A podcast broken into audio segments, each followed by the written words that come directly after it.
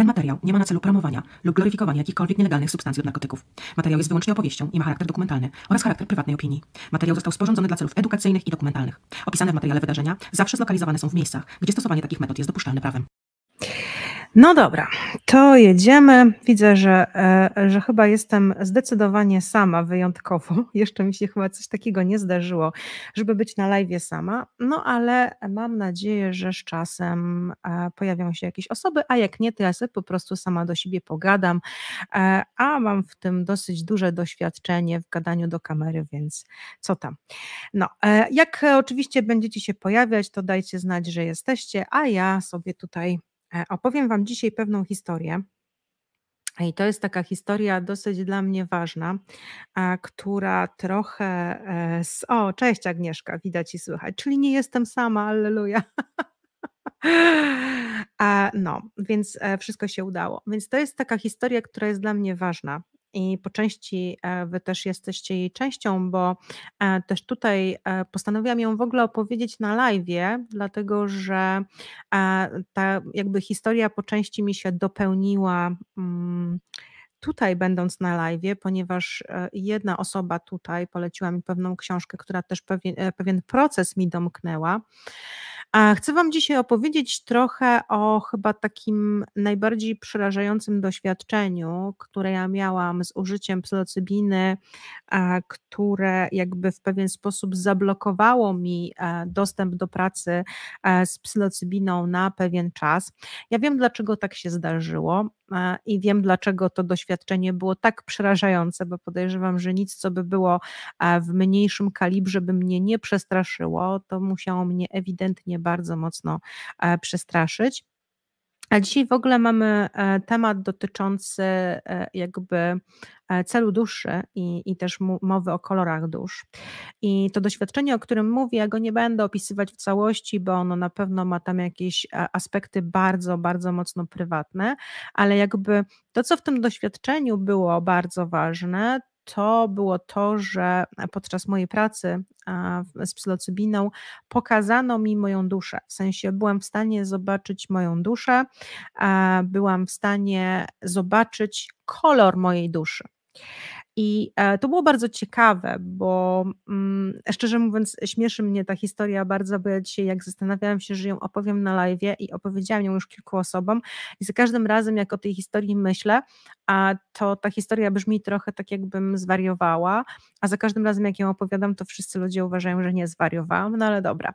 No w każdym razie zobaczyłam e, kolor swojej duszy. Moja dusza miała kolor taki powiedziałabym mocno pomarańczowy, e, z elementami złota mm, i taki, taki trochę jak bursztyn, ale też w dużej, z dużą ilością złota, takiego świecącego się złota, ale to było w dużym odcieniu pomarańczu.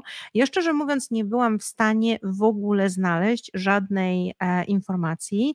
E, o, cześć, jeszcze jest Milky Way, fajnie, jest nas kilka osób, e, więc jesteśmy dzisiaj w takim bardziej intymnym gronie. I jakby ja nie, nie byłam w stanie w ogóle znaleźć jakiejkolwiek informacji na temat e, koloru tego i co on oznacza w ogóle, i co to doświadczenie w ogóle oznaczało, i co dla mnie w ogóle, czy w ogóle to ma jakieś znaczenie, jaki kolor ma moja dusza czy ta energia, którą ja zobaczyłam. Podczas tego doświadczenia powiedziano mi, że e, to jest bardzo doniosłe doświadczenie, spotkać się z własną duszą i zobaczyć jej kolor. Więc teoretycznie jakby ta kwestia dotycząca tego koloru miała znaczenie, ale jakby ja w ogóle nie byłam w stanie niczego znaleźć na ten temat. I później prowadziłam e, tutaj z wami live'a i ktoś mnie zapytał o książkę Michaela Newtona mm, Wędrówka dusz.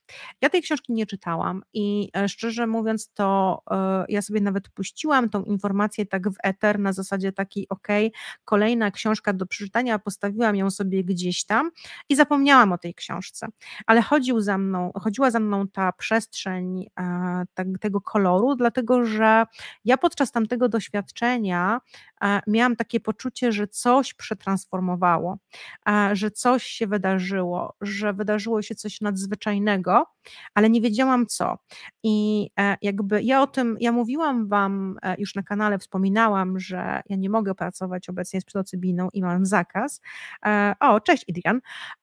I że mam zakaz, ale nie mówiłam wam w jaki sposób e, mi to powiedziano, jak, jak, jak ja przetransformowałam podczas e, tego doświadczenia, psylocybina powiedziała mi, że jakby głównym celem duszy jest właśnie transformacja, że każda dusza, która przechodzi tutaj na Ziemię, jest w swoim procesie, wybiera swoje życie, wybiera to, jak powinno funkcjonować, e, jak, jak tutaj powinna funkcjonować, jaki proces sobie wybiera, i bardzo często pewne dusze wybierają sobie bardzo skomplikowane życia, i czasami bardzo ciężko im jest się obudzić. I powiedziano mi wtedy, że właśnie moja dusza wykonała plan minimum na moje życie. W związku z tym ja mogę odejść, mogę w każdej chwili odejść, ponieważ jakby spełniłam swój plan minimum i psylocybina pokazała mi bardzo mocno, jak ja o siebie nie dbałam, jak nie odpoczywałam, jak jestem bardzo mocno zmęczona. I to było najbardziej przerażające doświadczenie, jakie ja w życiu widziałam, ponieważ w pewnym momencie zobaczyłam w sobie przestrzeń swoją życiową i ta przestrzeń życiowa była, zaczęła gasnąć byłam jak taka gasnąca świeca i miałam wrażenie, że uchodzi za mnie życie.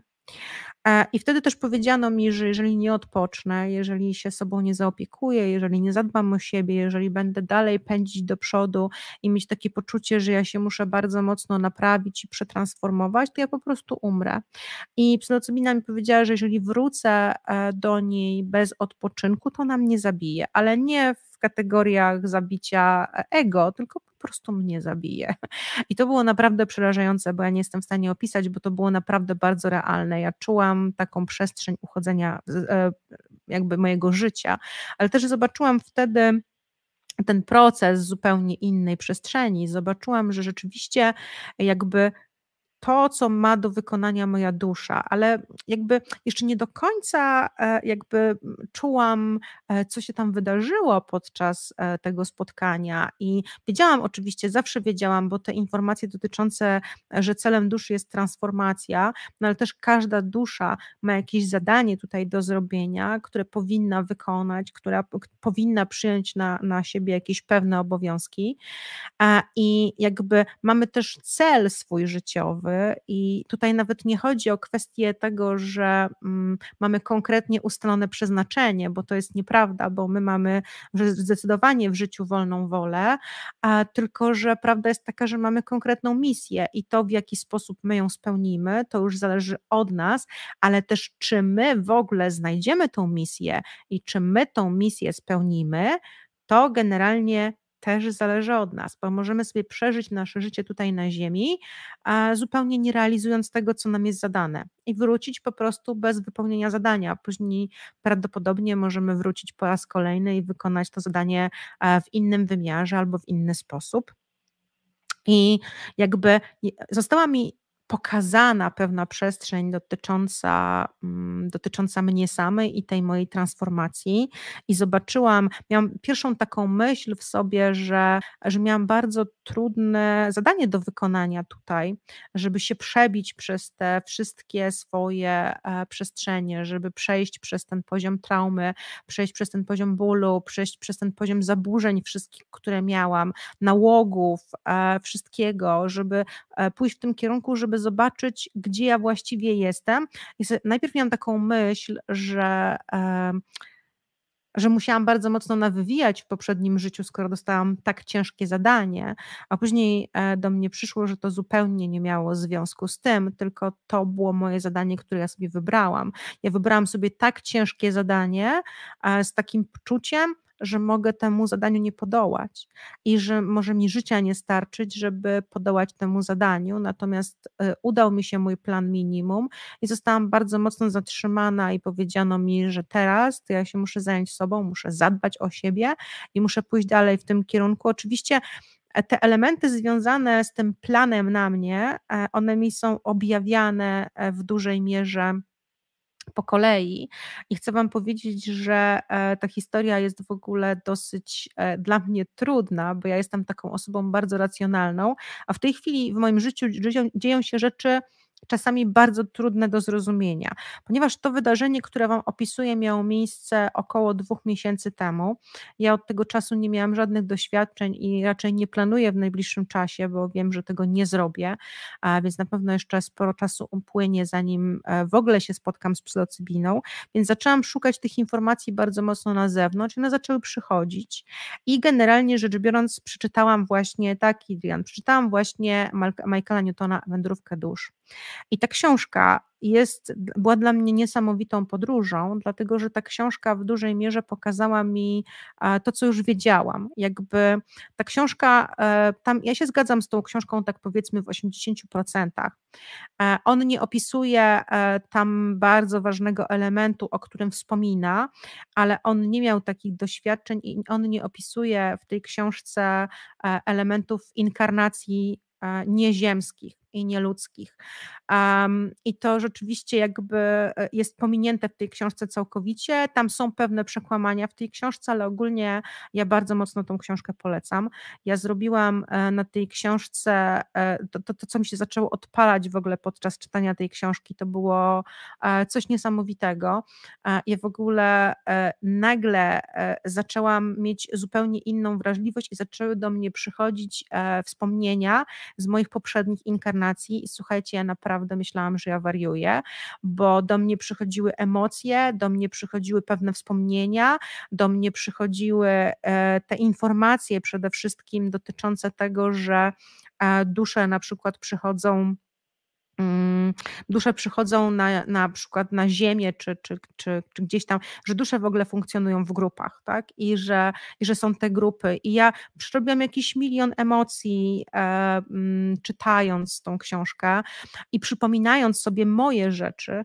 E, I po części ta książka w ogóle nie dotyczyła mnie, bo on tam opisuje e, historię swoich pacjentów, e, których wprowadzał w stan regresywny. Natomiast to, co się ze mną działo podczas podczas czytania tej książki, to było niesamowite.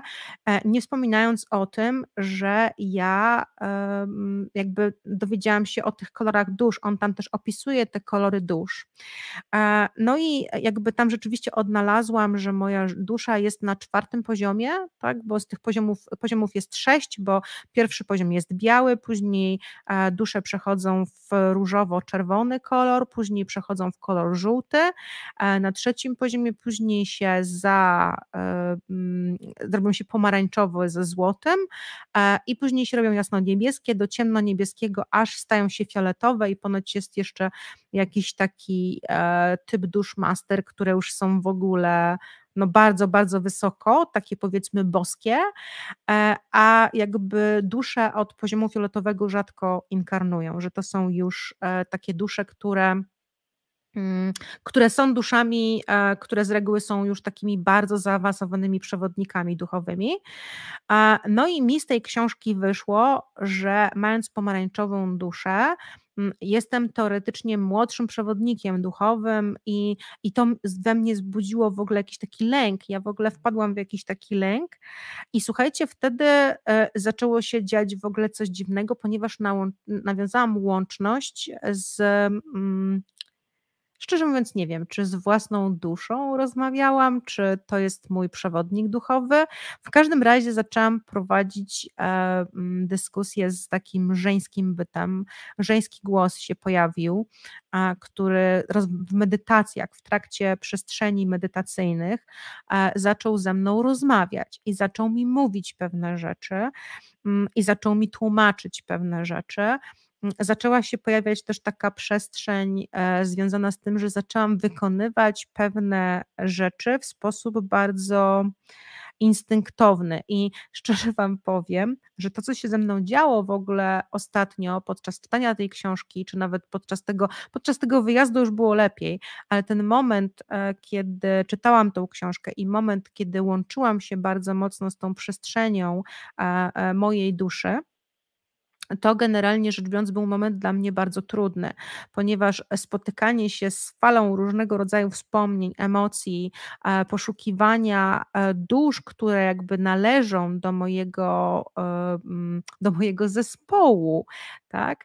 I coraz więcej przychodzi do mnie też rzeczy, które mi się integrują. Podejrzewam, że one będą do mnie przychodzić też przez cały czas. Natomiast najdziwniejsza rzecz, już pomijając kwestię tego, że na przykład z jedzeniem zaczęłam mieć E, takie sytuacje, że zaczęłam kupować pewne rzeczy bardzo mocno instynktownie e, i, e, i jak jestem w, w łączności takiej bardzo dobrej ze sobą i ze swoją duszą, to w ogóle nie ma takiej opcji, żebym zjadła coś, co jest dla mnie złe tak? I z reguły jem po prostu dobre rzeczy, takie, które, e, których akurat e, chcę. I w ogóle śmiesznie było, bo pojechałam, słuchajcie, do sklepu w ogóle też po tym doświadczeniu, w takim poczuciu, że jestem w, łączności, w łączności właśnie z tą swoją duszą i ona mi mówi dokładnie, co mam robić. No ale najśmieszniejszy, e, najśmieszniejszy, najśmieszniejsze zdarzenie to było raz, jak pojechałam, słuchajcie, do mojego lekarza I e, akurat było tak, że no, nie udała mi się pewna rzecz i stwierdziłam, że wrócę do domu. I nawet nie wiem, słuchajcie, jak znalazłam się e, w galerii handlowej. Ja nawet nie wiem, jak to się stało. I rzuciłam się w wir zakupów, czego normalnie nie robię. I zaczęłam kupować sobie rzeczy, których normalnie bym sobie nie kupowała. I te wszystkie rzeczy były niebieskie. One były albo jasno niebieskie, albo takie trochę wpadające w troszeczkę ciemniejszy niebieski, nie granatowe, ale takie wyraźne wyraźnie niebieskie rzeczy i e, niebieskie, turkusowe, ale wszystkie oscylujące w, ra w ramach tego mm, niebieskiego koloru i szczerze mówiąc, jakby ja jeszcze nie wiem, co to oznacza, mm, ale jakby podczas tego doświadczenia, e, podczas tego doświadczenia, które, e, którego doznałam, powiedziano mi, że moja dusza w, w jakiś sposób przetransformowała, co oznacza, że mogła zmienić kolor, ale nie wiem w ogóle, co oznacza ten niebieski. To były rzeczy, e, które były robione e, w sposób e, bardzo, bardzo instynktowny i za każdym razem, jak na przykład w tej chwili medytuję, to mam łączność z tą istotą, która Mm, która się gdzieś tam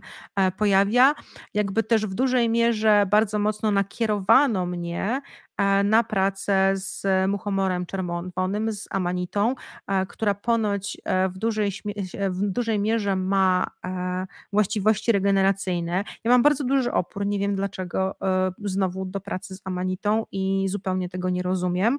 Natomiast też widzę, że to jest bardzo, bardzo wymagający grzyb, który wymaga takiego spotkania też na, na poziomie duchowym, czyli też takiego pojechania do lasu, zebrania, zaopiekowania się tym grzybem i nawet nie chodzi tutaj w ogóle o pracę z amanitą w przestrzeni w ogóle doświadczeń psychodelicznych, ale o pracę amanitą, tak, z amanitą taką codzienną, czyli pracę na zasadzie mikrodawek, czyli spotkanie z tym grzybem, um, spotkanie z tym grzybem, ogólnie rzecz biorąc, um, mocno jakby takim leśnym i jakby też e, zobaczyłam bardzo mocno, słuchajcie, i to odkryłam też podczas tego wyjazdu, ponieważ mikrodawkowałam amanitę przez cały wyjazd, ale mikrodawkowałam ją w zupełnie inny sposób.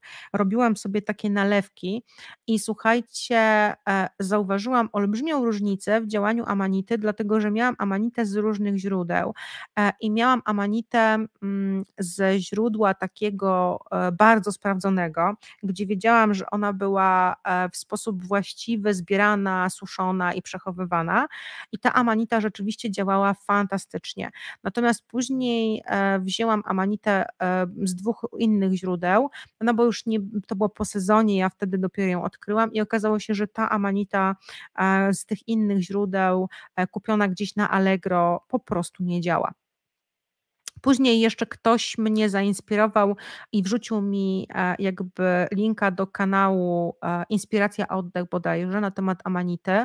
Ja tam sobie obejrzałam wszystkie te odcinki, jak byłam na wyjeździe odnośnie Amanity. Nie do końca mój klimat, natomiast rzeczywiście człowiek ma olbrzymią wiedzę, więc jeżeli w ogóle poszukujecie informacji na temat Amanity, e, to fajnie jest tam wpaść i posłuchać. Jakby ma, on rzeczywiście też o tym mówi, że żeby pracować z Amanitą, to trzeba się trochę pochylić, trzeba pojechać do lasu i trzeba się z nią spotkać. E, I ogólnie rzecz biorąc, jest to bardzo fajna przestrzeń dla mnie w tej chwili do pracy, żeby właśnie pracować tak codziennie, energetycznie. A ja też, słuchajcie, zaczęłam właśnie, zaczęłam mieć taką łączność, że przestałam w ogóle mieć taką potrzebę, żeby wybierać się w podróże psychodeliczne, ponieważ jakby uwrażliwiłam się na tyle na tą przestrzeń wokół mnie, że zaczęłam widzieć w ogóle życie jako taki naprawdę niesamowity proces. O, Tita, tata, to ty właśnie mi poleciłaś tą książkę, cześć w ogóle i to właśnie ty napisać. Ja pamiętam, że ja musiałam wleźć w ogóle na tamtego live'a i szukać po topczacie, co to była za książka, bo ona mi nie dawała spokoju, a napisałeś, że niebieski to też czakra gardła.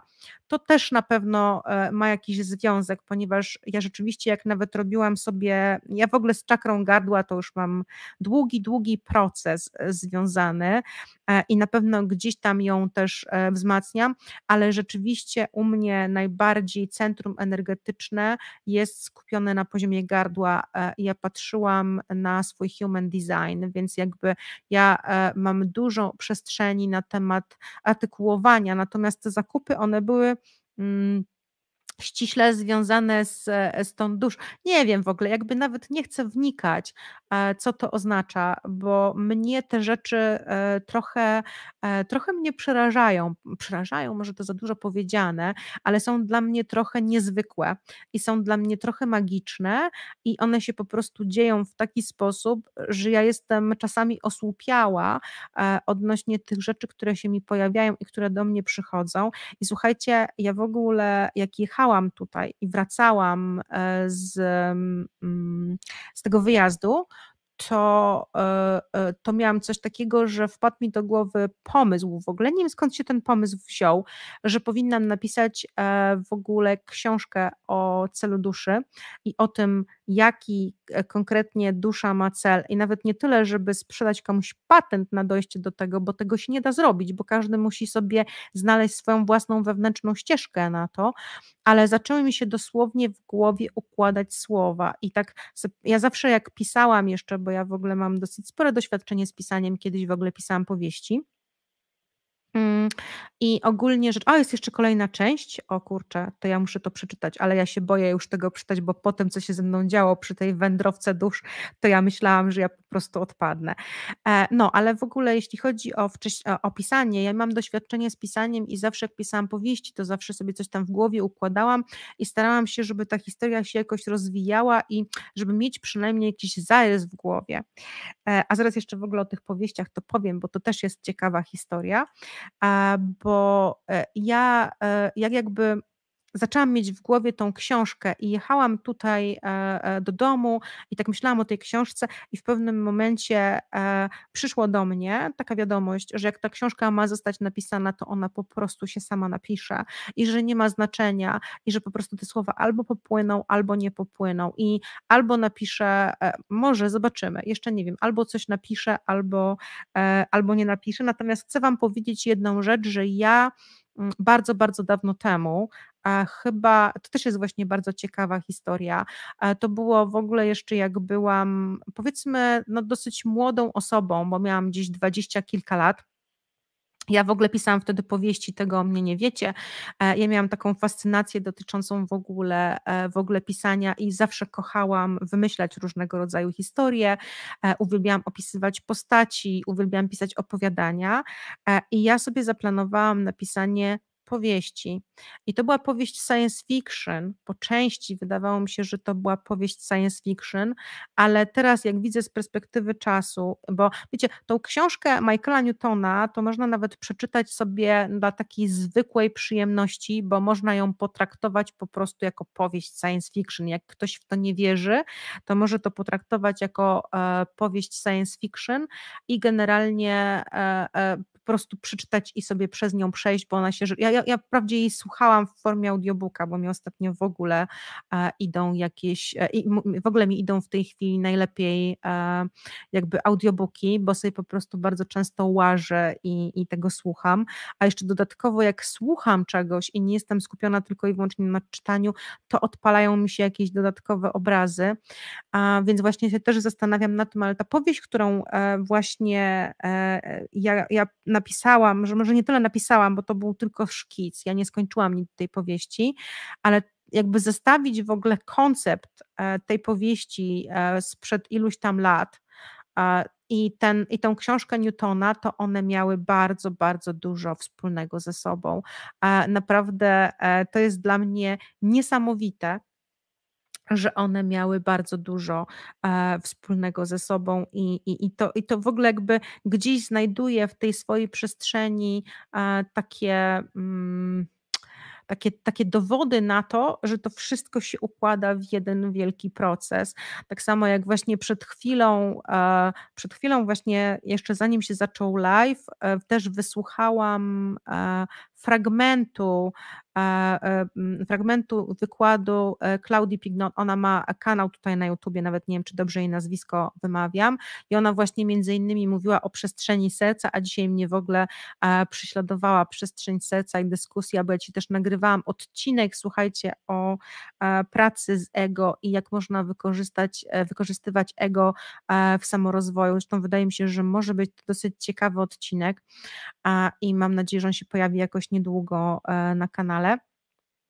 Więc, e, e, więc jakby i, i, dotknęłam znowuż jakiegoś takiego tematu, który gdzieś tam wisiał mi w powietrzu, dotyczący właśnie um, wybaczania, bo to jest coś takiego, co mnie chyba od pół roku prześladuje, bo gdzieś przy, e, przychodzą do mnie jakieś takie rzeczy i mi, mi się wydaje, że po prostu e, jak patrzę na swój proces, to może nie nazywam tego w ten sposób, ale to rzeczywiście mi się zaczyna pokazywać, dlaczego moje, z perspektywy mojej duszy, dlaczego moje życie przebiegało tak, jak przebiegało.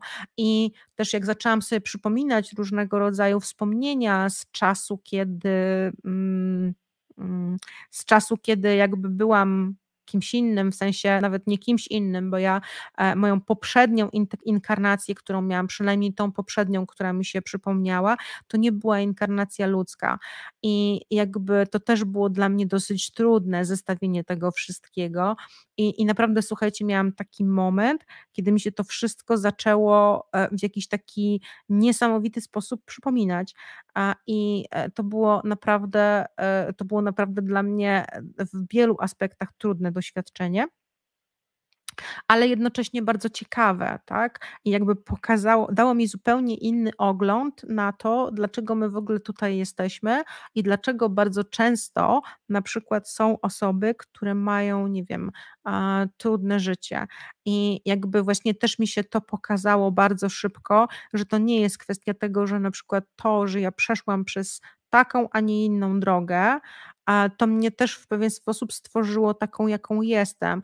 I jak patrzę w, wstecz na swój cały proces, to jakby siedzę i nie mogę się nadziwić jakby geniuszowi tego całego procesu. Oczywiście wiadomo, że czasami z tej perspektywy zastanawiam się, dlaczego nie obudziłam się wcześniej dlaczego nie zobaczyłam pewnych rzeczy wcześniej, e, dlaczego byłam taka zamknięta, dlaczego nie widziałam e, rzeczy wcześniej i skoro na przykład moja dusza e, jest już powiedzmy duszą, która ma jakiś poziom zaawansowania, to dlaczego ja wcześniej byłam taka ślepa? Tak? I na przykład w tej chwili e, zaczęłam widzieć e, kolory innych dusz i za czasami widzę ludzi, którzy mają na przykład dosyć zaawansowaną e, duszę, a są zamknięci w jakiejś totalnej klatce i nie mogą się z niej wydostać. I ja mam wrażenie, że czasami to jest tak, że my przychodząc tutaj wybieramy sobie taką przestrzeń, że funkcjonujemy w takiej zamkniętej klatce, i sami sobie tworzymy te więzienie, żeby później ewentualnie spróbować z nich wyjść. I e, to też mi potwierdziła ta książka Newtona, która pokazała e, mi to, że rzeczywistości jest tak, że dusze wybierają sobie tą przestrzeń do pracy i czy mogą ewoluować w danej inkarnacji, czy nie. I one sobie bardzo często mogą wybierać Jedna rzecz mi się tam nie zgadzała w tej książce, z tego co mi się gdzieś tam przypominało, jeśli chodzi e, o moją inkarnację, i kilka rzeczy mi tam nie pasowało dotyczących wyboru inkarnacji, które się tam pojawiały.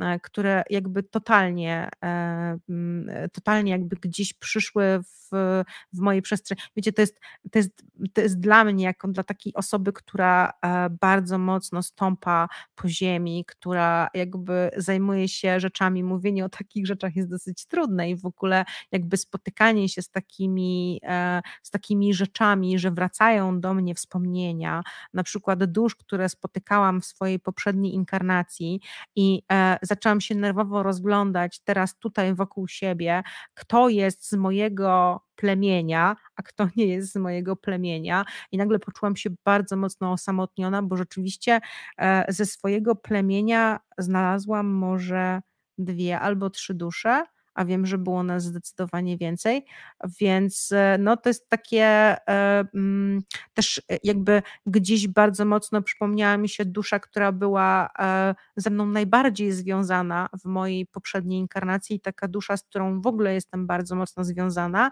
i nagle okazało się, że jej wokół mnie nie ma. A, no i to, to było dosyć trudne i powiem Wam szczerze, że naprawdę mnie wywaliło w kosmos przez e, jakieś dwa tygodnie gdzie starałam sobie to wszystko do swojego pudełka jakoś powoli poukładać i starałam sobie to poukładać, żeby, no, żeby też po części nie zwariować, więc w tej chwili jak e, słyszę, że jest e, kolejna książka, to zaczynam się bać, co, co, mi się tam może, e, co mi się tam może pojawić, jeśli chodzi o przeznaczenie i co on takiego e, napisał i wykoncypował. No tak jak mówię, ja bardzo się nastawiłam, on zresztą o tym pisał w tej książce, że będzie o tym mówił, o tych inkarnacjach nieludzkich, ale, e, ale nie mówił o tym praktycznie w ogóle w tej książce i to mnie bardzo mocno rozczarowało. Ja dzisiaj w ogóle, jak macie jakieś pytania, ja wiem, że temat może być dosyć, e, no, dosyć nietypowy, tak? Bo, bo mówimy o jakichś takich rzeczach, które są totalnie nienamacalne i które są trudne w ogóle e, do dosięgnięcia e, i, i jakby zweryfikowania. No ja też jakby po części ta to, ten, ten byt, ktokolwiek to jest, z kim mam łączność obecnie, czy to jest mój przewodnik duchowy, czy to jest moja dusza, szczerze mówiąc nie wiem. Ona też w pewien sposób gdzieś podsuwa mi pewne rzeczy I ja zdaję sobie sprawę, że czasami mnie jest e, ciężko. Ja zresztą zobaczycie mój kolejny odcinek na temat jakby e, budowania tożsamości i integracji i tego, jak ja widzę strukturę, bo w końcu udało mi się to graficznie określić, i jak ja widzę strukturę pracy w ogóle z budowaniem siebie i jakby mm, budowaniem też własnej tożsamości i znajdowaniu tych rzeczy, które są naprawdę istotne, no to to zobaczycie tam tam e, w tej przestrzeni mm, e, e, kilka takich bardzo takich rzeczy, że ja na przykład jestem w tej mojej perspektywie bardzo mocno rozczłonkowana na dwie części. Jestem jakby w dwóch w dwóch miejscach. Jestem mam prawą i lewą stronę i e, moja lewa strona to jest moja strona, która jest taka bardzo racjonalna i jest bardzo uziemiona i, e, i tak naprawdę nie dopuszcza do siebie tych wszystkich e, rzeczy, które są związane z tą przestrzenią duchowości i jest moja prawa strona, która jest taka bardziej eteryczna, która jest bardziej duchowa i która jest jakby mm, jakby tą, e, tą częścią, na której powinnam się e, dużo bardziej oprzeć, ale ciągle mam problem, żeby się na niej oprzeć. I na przykład też miałam e, taką taką informację, którą dostałam, to jest w ogóle, słuchajcie, że dostaję jakieś informacje, miałam taką informację dotyczącą tego właśnie między innymi, że dlaczego się zdarzył mój wypadek, który miałam w styczniu i ja sobie uszkodziłam, słuchajcie, lewą nogę. Ja sobie uszkodziłam lewą nogę, e, i okazało się, że pomimo tego, że e, jakby mam chorą lewą nogę, ciągle bardziej przerzucam ciężar ciała na lewą nogę, czyli coraz ciągle przerzucam ciężar ciała na lewą nogę, pomimo tego, że ona jest chora. I rozmawiałam z moim rehabilitantem i rozmawialiśmy w ogóle e, na e, różne, jakby on, on, on, on mi to uświadomił, a mnie tam tejpował w różny sposób, żebym ja chodziła. Ja się zastanawiałam w ogóle, kurczę, o czym to jest, że ja ciągle mam tą lewą stronę i mam wrażenie, jakby w ogóle moja prawa część ciała była e, po prostu lżejsza.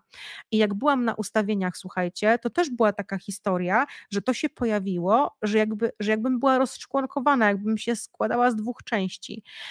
No i teraz jakby ciągle, e, ciągle mi się też pojawia w przestrzeni takie jakby polecenie, że mam stanąć na prawej nodze. i to jest dosyć trudne. Aczkolwiek ja e, idę w tej chwili też w takie klimaty e, dosyć energetyczne. Ja słuchajcie, wyjeżdżam, e, mam nadzieję, że to się w ogóle odbędzie. Ja się zapisałam na taki roczny kurs tantry i będę doświadczać bardzo mocno pracy z energią seksualną i mam nadzieję, że też bardzo dużo przestrzeni w sobie uzdrowię i mam, mam nadzieję, że gdzieś pojawi się we mnie też taka przestrzeń akceptacji na to, co duchowe, bo wiecie, jakby ja mam bardzo dużo e, przemyśleń na ten temat, że bardzo nie podoba mi się obecny świat, e, jeśli chodzi o przestrzeń duchowości i w ogóle New Age. E, ja nawet, mm, ja nawet generalnie rzecz biorąc, mam coś takiego, że mm, że, że gdzieś nawet jak ostatnio nawet nagrywałam odcinek dotyczący e, tego nowego serialu na Netflixie. Będę o tym mówiła w kolejnych odcinkach. E, nie wiem, czy oglądaliście, jest taki nowy serial o poszerzaniu świadomości, o psychodelikach, e, który właśnie mniej więcej pokazuje, co się wydarzyło i moim zdaniem ten serial też daje świetnie odpowiedź, dlaczego jakby zakazano stosowania psychodelików i dlaczego jakby obecny e, jakby ten też nurt New Age i takie podejście do psychodelików znowu może doprowadzić do jakby ich zbanowania i że w ogóle w tej pracy e, psychodelicznej e, zupełnie nie o to chodzi.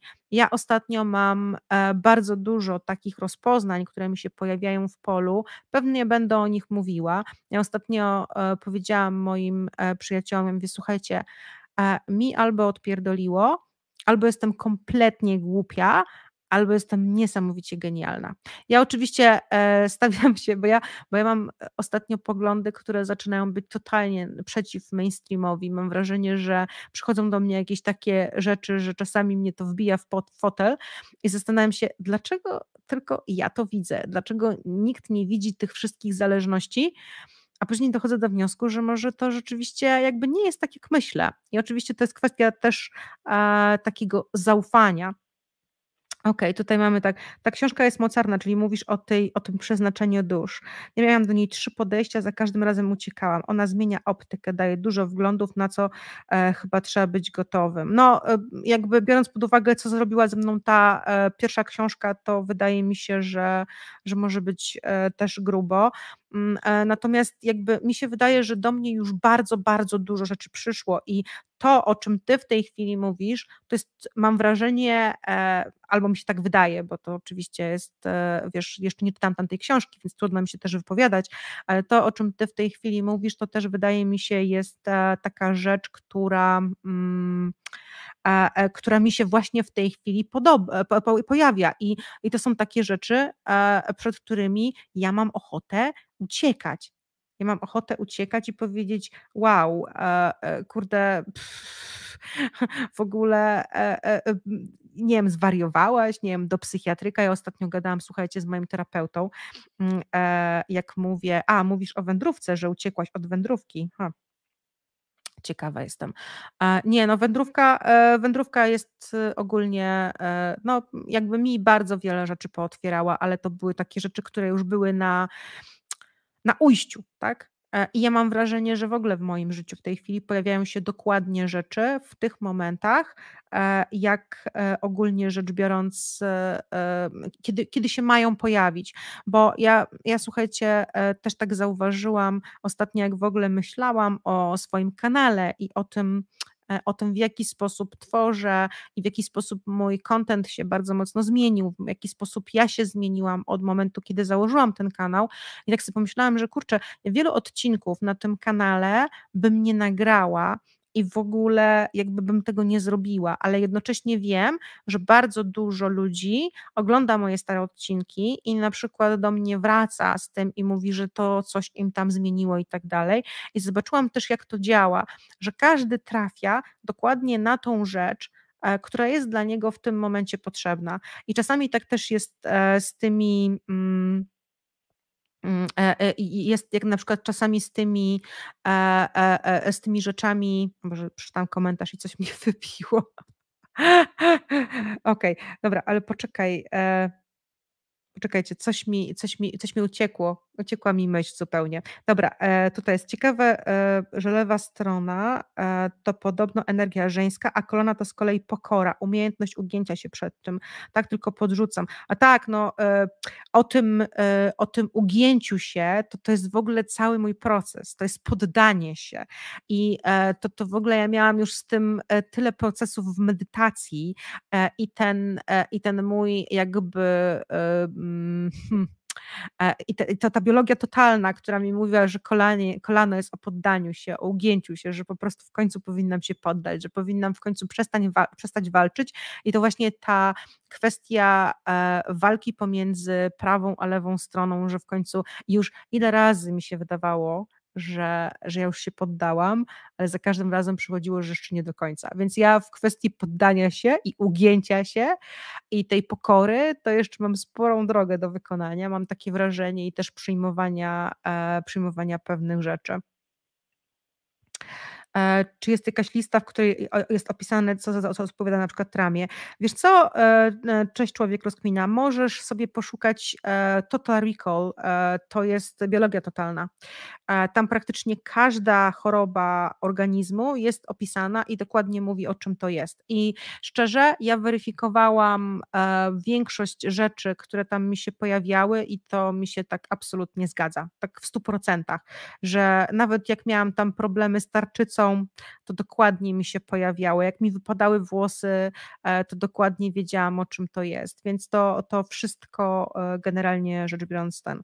E, no i a jeszcze coś właśnie mi się chyba przypomniało, jak mówiłam właśnie o tym kanale, że po prostu każdy trafia dokładnie na takie słowo, jakie, jakie są mu w danej chwili potrzebne. I czasami jest mu potrzebne e, właśnie coś takiego, co ja powiedziałam kiedyś, e, coś starego i coś w kimś zrezonuje i coś mu to pootwiera. I ja też gdzieś przeszłam jakąś swoją drogę od pewnego punktu do, do któregoś i też widzę, że jeszcze mam w sobie olbrzymią olbrzymią moc do załatwienia. Jeszcze muszę bardzo dużo rzeczy załatwić.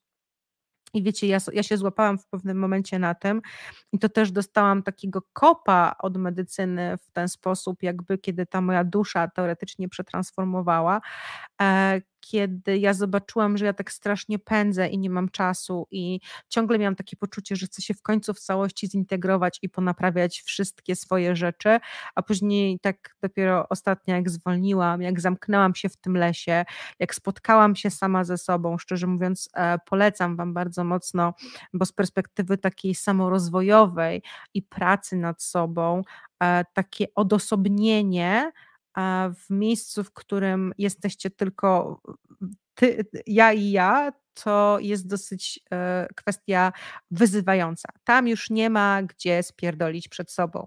Nie ma takiej opcji.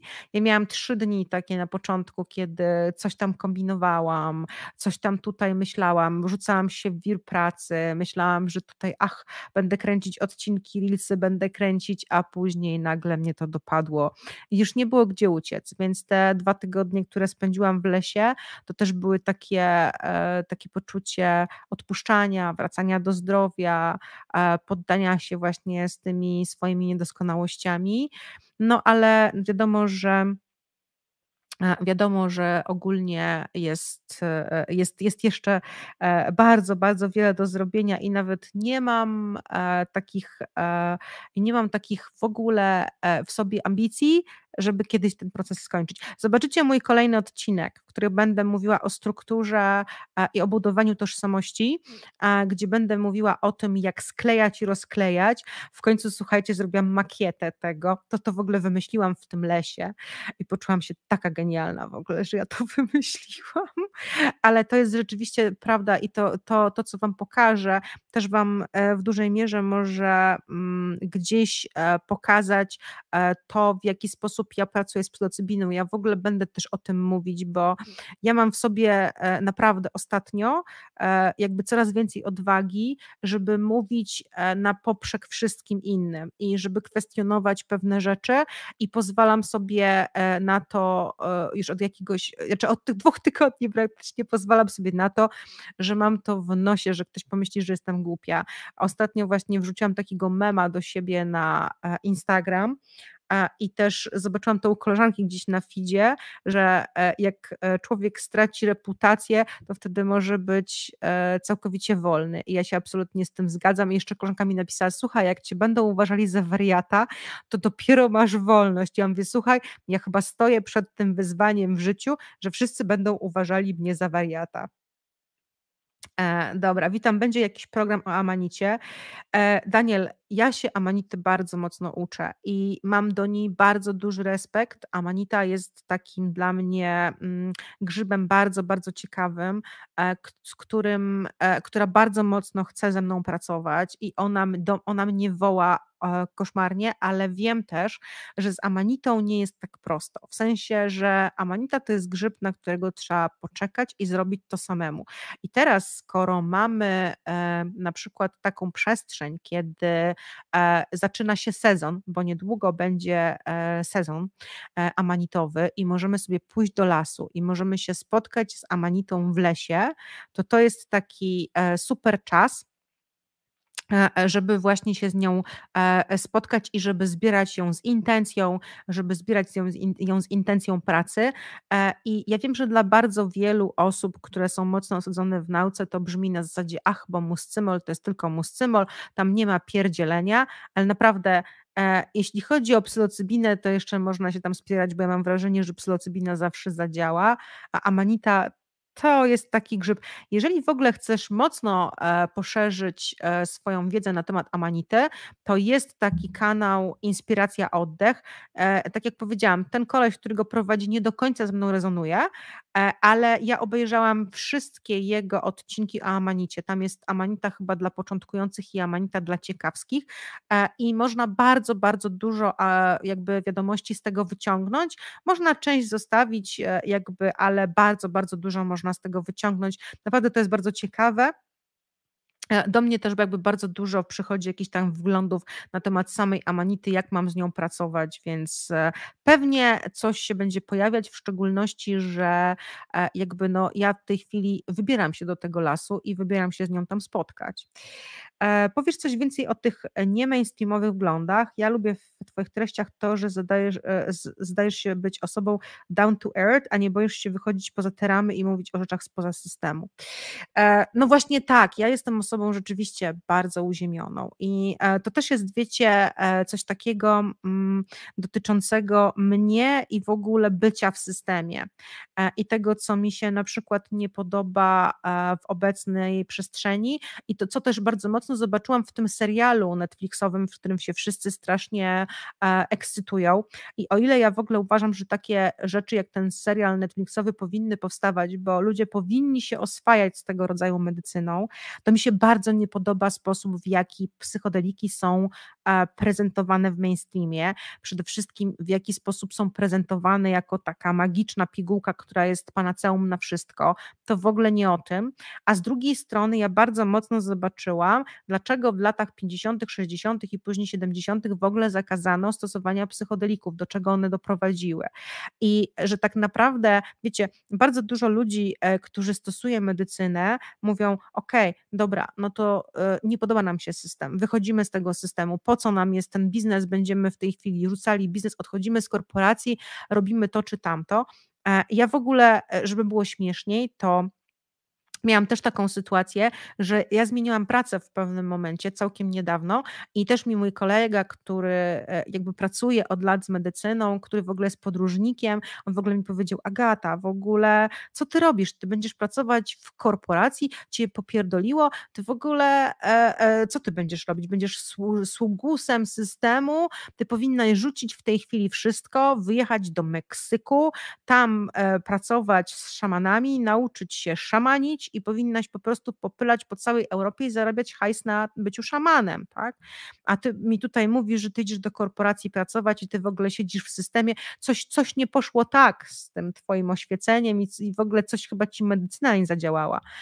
A ja słuchajcie, mam w ogóle w sobie e, taką przestrzeń, że ja mam w sobie wielki krzyk, jak ktoś do mnie mówi w ten sposób, bo ja mam takie wrażenie, że jak wszyscy spierdolą z systemu, to to w ogóle jakby nie będzie miało totalnie sensu. Jak e, nawet weźmiecie pod uwagę kultowy film Matrix, ja uważam do dzisiaj, że bracia Wachowscy nieźle e, tripowali, mm, e, to tam tak naprawdę walka e, z systemem odbywa się w środku ona się nie odbywa poza.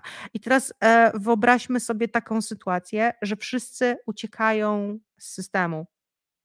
Wszyscy uciekają z systemu, wszyscy uciekają po to, żeby siedzieć w krzakach i medytować, wszyscy wyjeżdżają do e, ashramów i e, e, uczą się medytacji, pracują z medycyną, stają się szamanami, pracują z energią no jakby, y, no nie wiem, nie pasuje mi ten świat. To jest też kwestia tego, że słuchajcie, ja w tej chwili na przykład e, słuchałam e, Demelo ostatnio, jakoś, jakoś jego jednej książki, słuchałam też Osho e, i słucham ich czasami i te rzeczy jakby niektóre rzeczy po prostu wchodzą od razu jak w masło, a niektóre budzą we mnie jakieś takie odrzucenie. I wiecie, to jest oczywiście też kwestia tego, że to jest jakieś moje przemyślenie. Ja się oczywiście e, mogę mylę, mylić, bo tak jak powiedziałam, ja jestem na drodze głupca i nie zamierzam z niej schodzić. Jest mi dobrze, jak jestem głupcem, ale jednocześnie mam w sobie już coraz więcej odwagi, żeby to kwestionować, bo wychodzę z takiego założenia, że ja w ogóle pracując w biznesie przez tyle lat, czasami mam takie poczucie beznadziei, że e, ten biznes jest e, no takim, taką rzeczą, w sumie taką Mm, czasami wydaje się taką rzeczą pustą, bo to wiąże się z takim przetwarzaniem potrzeb, tworzeniem pieniędzy, kręceniem się w kółko wobec tego samego. Ale z drugiej strony ostatnio pracuję bardzo mocno e, wśród ludzi z pasją którzy, na pewne, którzy pewne rzeczy robią z niesamowitym zaangażowaniem, gdzie tak naprawdę robota sprawia im olbrzymią przyjemność. I jak ja patrzę na tych ludzi, to zaczynam mieć zupełnie inną koncepcję i zupełnie inne postrzeganie tego biznesu, i zaczynam widzieć w tym całkowicie, całkowity jakby inny sens, wiecie, bo jakby ja też wiem, że jest bardzo duża ilość ludzi, którzy gdzieś zaczynają się rozwijać duchowo, ale odrzucają tą całą duchowość, bo ta duchowość kojarzy im się właśnie z zakładaniem białych szat i siedzeniem w krzakach. A oni mówią, nie, jakby spoko, wiecie, jakby mm, chcę zarabiać pieniądze, podoba mi się praca w tej organizacji, podoba mi się generalnie tworzenie innych rzeczy i jak zaczynam patrzeć na to wszystko, że jeżeli na przykład ludzie, którzy są w tej chwili na stanowiskach w, e, e, w tym systemie zaczęliby się budzić, ci, którzy jakby mają rzeczywiście relatywny wpływ na funkcjonowanie całości, to mam takie poczucie, że system mógłby się zmienić od środka. Bo jeżeli my zmienimy się sami tutaj, nie uciekając, bo wiecie, dla mnie ten cały New Age to jest taki eskapizm. Czyli e, nie poradziliśmy sobie tutaj w systemie, uciekamy, bo trzeba wyjść z Matrixa, trzeba uciec z, tego Matrixa. I wiecie, ja się zgadzam oczywiście, że e, cała ta struktura polityczna, te wszystkie te wszystkie rzeczy, które się dzieją, to nie jest nic fajnego. Ale z drugiej strony, jakby mam takie poczucie, że mm, że jakby wszystko to zmierza w niewłaściwym kierunku. Ja na przykład czasami słucham ludzi, którzy pracują z medycyną i oni na przykład bardzo dużo mówią o tym, że, że właśnie e, cały ten świat obecny to jest plastikowy, że trzeba z niego wyjść, że trzeba się skontaktować z naturą. Wiecie, jakby ja bardzo sobie cenię kontakt z naturą. Ja przez ostatnie dwa tygodnie siedziałam w lesie i naprawdę nigdzie tak nie naładowałam baterii, jak siedząc w lesie i słuchając ptaków.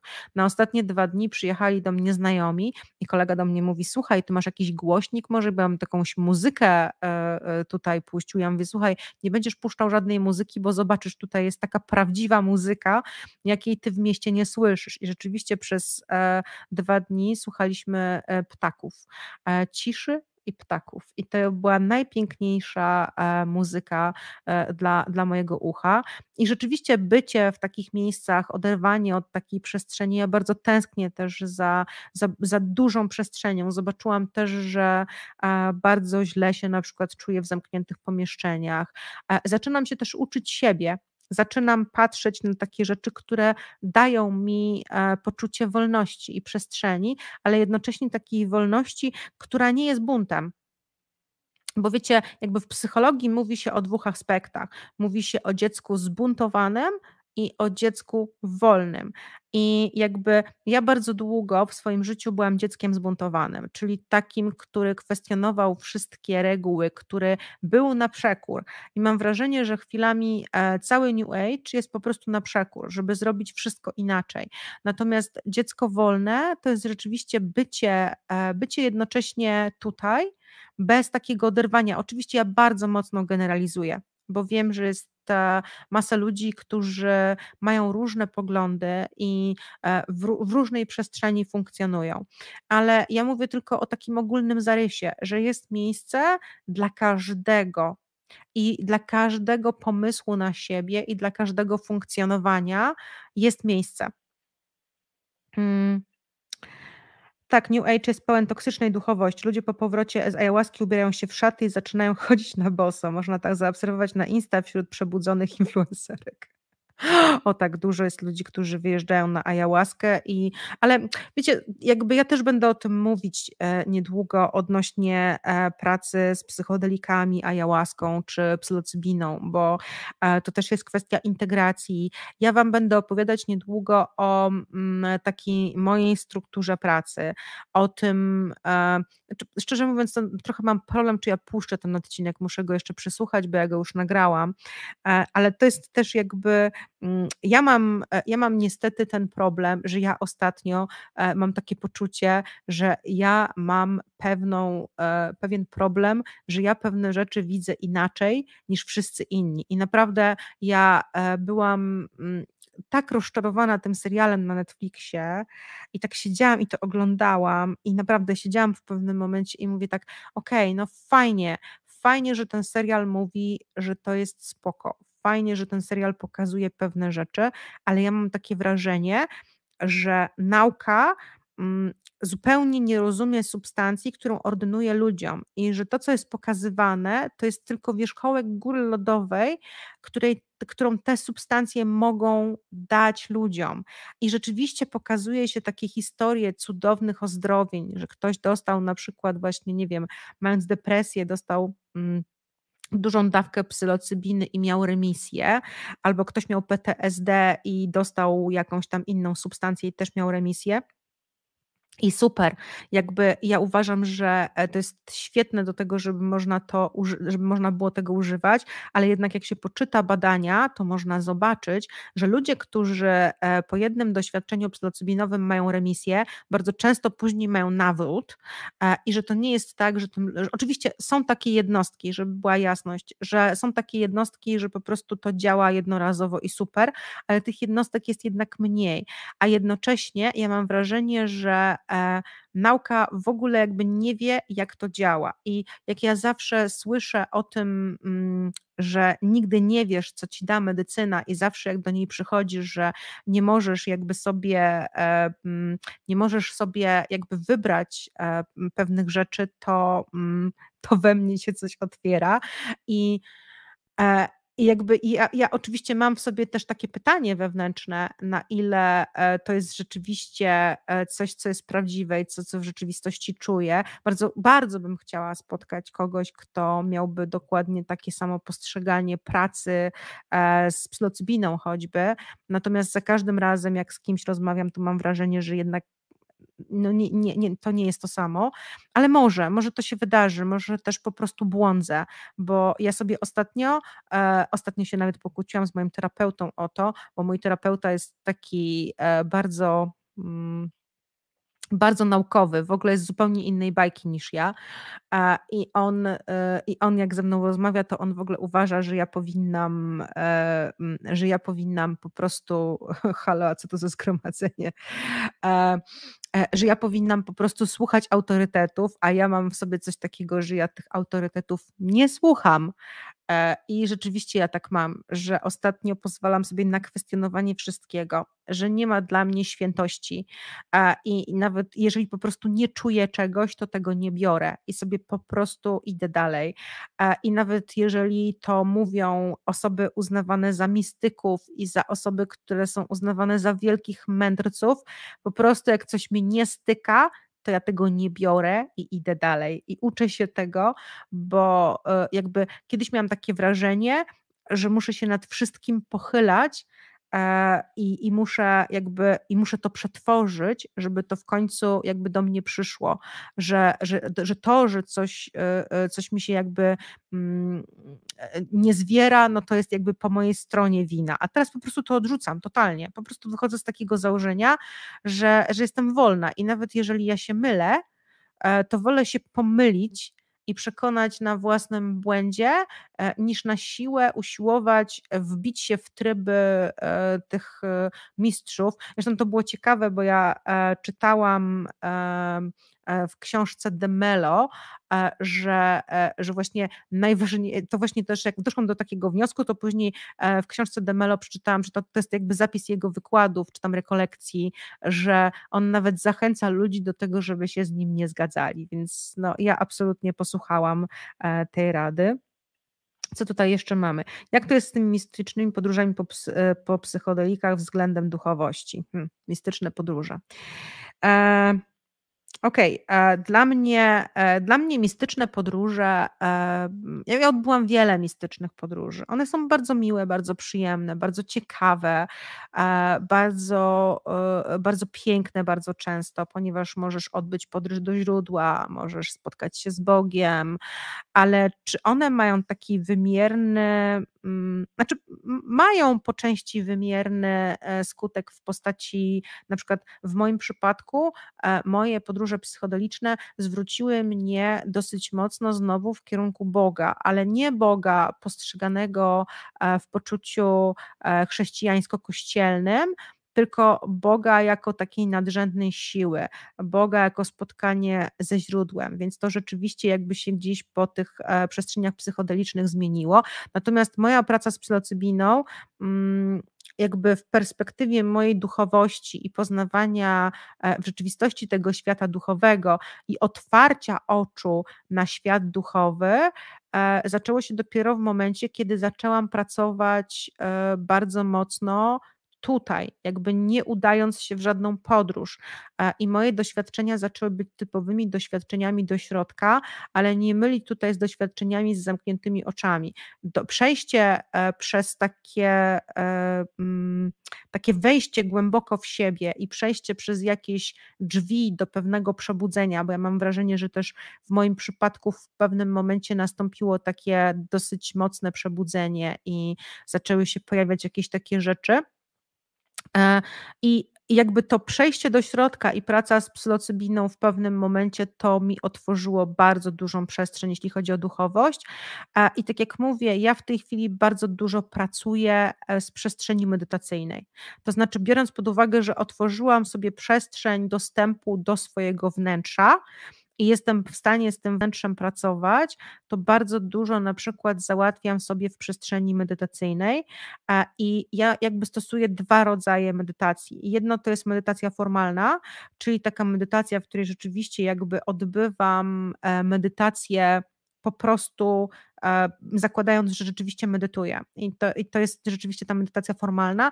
A drugi rodzaj medytacji, który mam praktycznie w bardzo wielu momentach swojego życia, e, to jest taka medytacja. Mm, to jest taka medytacja, która e, która polega na obserwacji przez cały czas i pracy z uważnością. I ja praktycznie mam przez cały czas taki moment, kiedy obserwuję swoje myśli, e, kiedy jestem w bardzo dużej uważności i w momencie, kiedy otwieramy sobie tą przestrzeń e, właśnie no powiedzmy takiej nieformalnej medytacji, tudzież właśnie takiej codziennej uważności, no to jakby te wglądy pojawiają się i przychodzą same. Czy postacie, które tam spotykam, to zobrazowanie swoich własnych emocji, czy, czy co, coś więcej? Jak sobie tłumaczyć te podróże? E, będzie niedługo odcinek mój o integracji doświadczeń psychodelicznych, o tym, że e, jakby nie trzeba ich tłumaczyć. Bo, e, znaczy nie wiem w ogóle, czy puszczę ten odcinek, ale mam nadzieję, że puszczę. Nie trzeba ich tłumaczyć, bo jakby nie chcę zdradzać tego, co będzie w tym odcinku, bo, bo to jest dosyć ciekawe. Ja, ma, ja, ja opieram w ogóle przestrzeń pracy e, psychodelicznej e, na trzech filarach. I jeżeli mamy niewypracowane te trzy filary, to integracja będzie ciężka, bo jeżeli w ogóle, e, ja mam taką zasadę, ja mam taką zasadę, jeśli chodzi o pracę z medycyną, że jeżeli potrzebujesz po doświadczeniu integracji, to znaczy, że coś poszło nie tak. Bo e, jakby mm, jeśli chodzi w ogóle o samo doświadczenie, to ja mam bardzo często tak, że e, jakby u mnie integracja następuje bezpośrednio w trakcie. E, a jeżeli coś mi się nie zintegruje w trakcie, to ja to zostawiam i albo mi się to zintegruje po, albo mi się zaczną pojawiać pewne rzeczy i to zrobi się to samo bez żadnej interpretacji. W momencie, kiedy ja bym chciała się w tej chwili zastanawiać nad tym, powiedzmy taki przykład, ja miałam na przykład na Amanicie e, spotkanie z Bogiem, bardzo silne, bardzo trudne spotkanie z Bogiem. I, i powiem szczerze, że no nie chciałabym w tej chwili wchodzić w ogóle w przestrzeń rozkminiania tego, co to było, Rozmawiałam też na przykład na, na tripie e, z królem demonów, który był królem zła i piekła i wszystkiego. I, i szczerze mówiąc, nie chcę się zastanawiać, e, czy to były moje emocje i tak dalej. Ja z tego bardzo dużo wynoszę ale tutaj, no mówię, to trzeba, trzeba zrobić, ja Wam będę opowiadać o tych trzech filarach, o tym, jak się pracuje. Bardzo istotne jest to, żeby przede wszystkim się bardzo dobrze przygotować do tego doświadczenia, zanim się w ogóle w nie wejdzie bo jakby jeśli chodzi o spotkania z bytami, no to po prostu są spotkania z bytami, to może być różnie, bo e, może być to zarówno coś jakby z perspektywy Twoich emocji, a możesz równie dobrze spotkać tam byty, osoby, przecież my na co dzień, przecież tak naprawdę mm, nikt z nas do końca, będąc tutaj, e, nie jest do końca sam, tak? Jak macie e, w sobie bardzo dużą otwartość i jak e, wszyscy mówią o tym otwartym, mitycznym trzecim oku, jak ktoś ma otwarte trzecie oko, to przecież widzi, co jest wokół niego. Że to jest jasne i wyraźne, jak wiele energii nas otacza, jak e, wiele rzeczy jest wokół nas, jak zwierzęta bardzo często są podłączone do systemu. My wszyscy jesteśmy połączeni, wszyscy jesteśmy w jednym wielkim polu.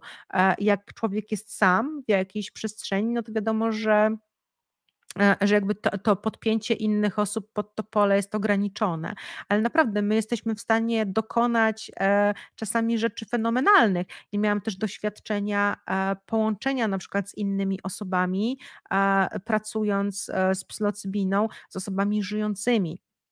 E, miałam doświadczenia typowo telepatyczne, byłam w stanie wchodzić do czyjejś głowy i jak jeszcze miałam jakieś takie e, inklinacje do tego, chociaż bardzo bym chciała pracować terapeutycznie z ludźmi z psylocybiną, ale jak na przykład pracowaliśmy rzeczywiście gdzieś w gronie znajomych z psylocybiną, gdzie prowadziłam doświadczenia, to ja byłam w stanie e, dokładnie jakby wejść i zobaczyć czyjś proces, więc wszystko jest absolutnie możliwe, że spotykamy się z różnymi bytami, które tam są. E, czasami rozmawiamy z demonami, czasami rozmawiamy z aniołami, a czasami spotykamy różne najprzeróżniejsze byty i w różne miejsca można trafić, jak się człowiek szlaja. Ja już o tym opowiadałam, o, tym, o tej takiej szlajawce. No i bardzo często jest tak, że jeżeli nie przestrzegamy pewnych bardzo istotnych rzeczy, pracując e, z medycyną, no to możemy później mieć problem z integracją i zastanowić się w ogóle, po co nam takie doświadczenie było. I um, trudno jest dla bardzo wielu osób się do tego przyznać, ale bardzo często takie poszukiwanie na siłę e, e, znaczeń, e, doświadczeń jest totalnie bezcelowe bo jakby po prostu no, one nie mają jakiegoś szczególnego znaczenia. Ja moje kilka pierwszych lat pracy z ayahuaską nigdy w życiu nie, nie zintegrowałam, w sensie nie zintegrowałam, no po prostu no, ja się szlejałam w różne miejsca, odwiedzałam, spotykałam różne byty, ale Jakie to miało znaczenie z perspektywy mojego życia? To nie wiem. No, jakby zupełnie pracowałam, zupełnie pracowałam totalnie. Jakby ja też, e, mm, ja też wiem, dlaczego się też pewne rzeczy działy i dlaczego na przykład u, u niektórych następują pewne procesy szybciej.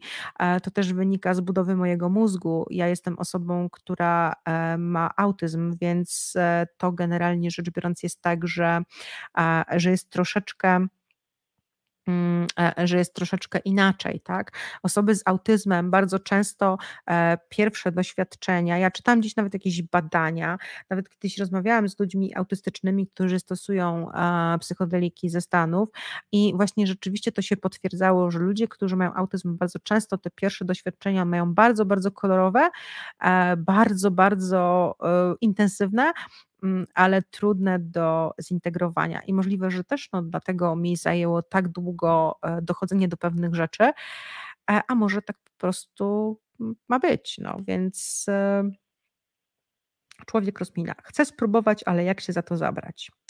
To ja ci powiem tak przekornie. Jak chcesz, to musisz to sam do tego dojrzeć i spróbować. Jeżeli e, nie wiesz, to to się wszystko musi samo pojawić. To nie jest też coś takiego, że, że ktoś ci powie, jak masz to zrobić. Bo ja, ja, ja powiem ci, e, że na przykład jeśli chodzi o psylocybinę, to ja miałam naprawdę tak duży opór w sobie. Ja naprawdę rozumiem bardzo wiele ludzi, pomimo tego, że ja miałam naprawdę gigantyczne doświadczenie pracując z ayahuaską, bo ja przecież siedziałam tyle czasu w tej dżungli e, i ja naprawdę wypiłam tej ayahuaski sporo, więc teoretycznie w ogóle doświadczenia tego rodzaju nie powinny mnie przerażać, ale jednak słuchajcie, ja się bałam. Ja się bałam cholernie. Ja byłam totalnie przerażona. Ja w ogóle nie wiedziałam, co ja mam zrobić. Ja w ogóle myślałam, że te grzyby to mnie co najmniej zmiotą z powierzchni ziemi. A się później okazało, że one przynajmniej na początku były e, słabsze od ayahuaski, więc wiecie, no. Mhm. Mhm. Okej. Okay. Nie trzeba tego interpretować. Boże, w końcu ktoś to powiedział, to za ulga. Mnie już tak szalenie męczyło grzebanie w tym, a kiedy odpuściłam, zaczęłam integrować podczas podróży, tak jak mówisz. No, nie trzeba mi się grzebać. Zobaczycie, ja chyba puszczę ten odcinek. To jest naprawdę bardzo istotne, żeby przygotować te wszystkie rzeczy i ja będę mówiła też o tym, jak się przygotować przed podróżą, żeby integrować w trakcie. A jak się nie zintegruje, to się może zintegruje za pół roku. Ja słuchajcie, czasami mam coś takiego, że wychodzę z podróży i mam takie, okej, okay, dobra, wszystko załatwione, zrobiłam, co miałam zrobić i zapominam o tym, co się wydarzyło. Bardzo rzadko w ogóle opowiadam w szczegółach o tym, e, e, bardzo rzadko w ogóle wspominam w szczegółach o tym, e, co się wydarzyło, chyba, że uważam, że to jest coś fajnego, z czym chciałabym się z Wami podzielić, bo jakby ja też mam świadomość i to słuchajcie, e, to, że ja nagrywam ten podcast i to, że ja się z Wami spotykam, to wynika też po części z tego, co mi gdzieś zostało przykazane i co mi jest pokazywane jako mój cel,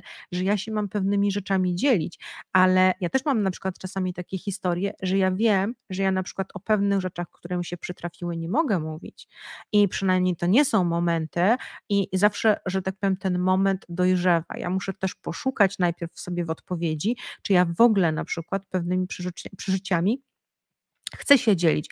Poza tym jest bardzo dużo e, takich e, doświadczeń. Ja miałam, słuchajcie, kiedyś taką ceremonię z przestrzeni czakry serca i to była w ogóle ceremonia z moim psem. I, e, I to była ceremonia dla mnie bardzo, bardzo mocno trudna, ponieważ e, to w ogóle była e, taka sytuacja, to było chyba już dawno, naprawdę to było może z półtora roku temu.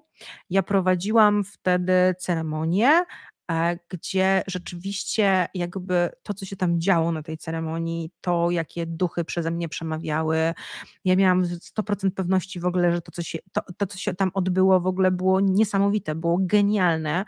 E, natomiast ja, jak już później doszłam do siebie i sobie w ogóle jakby to, to, doświadczenie, które ja miałam tam na tej ceremonii było przepiękne.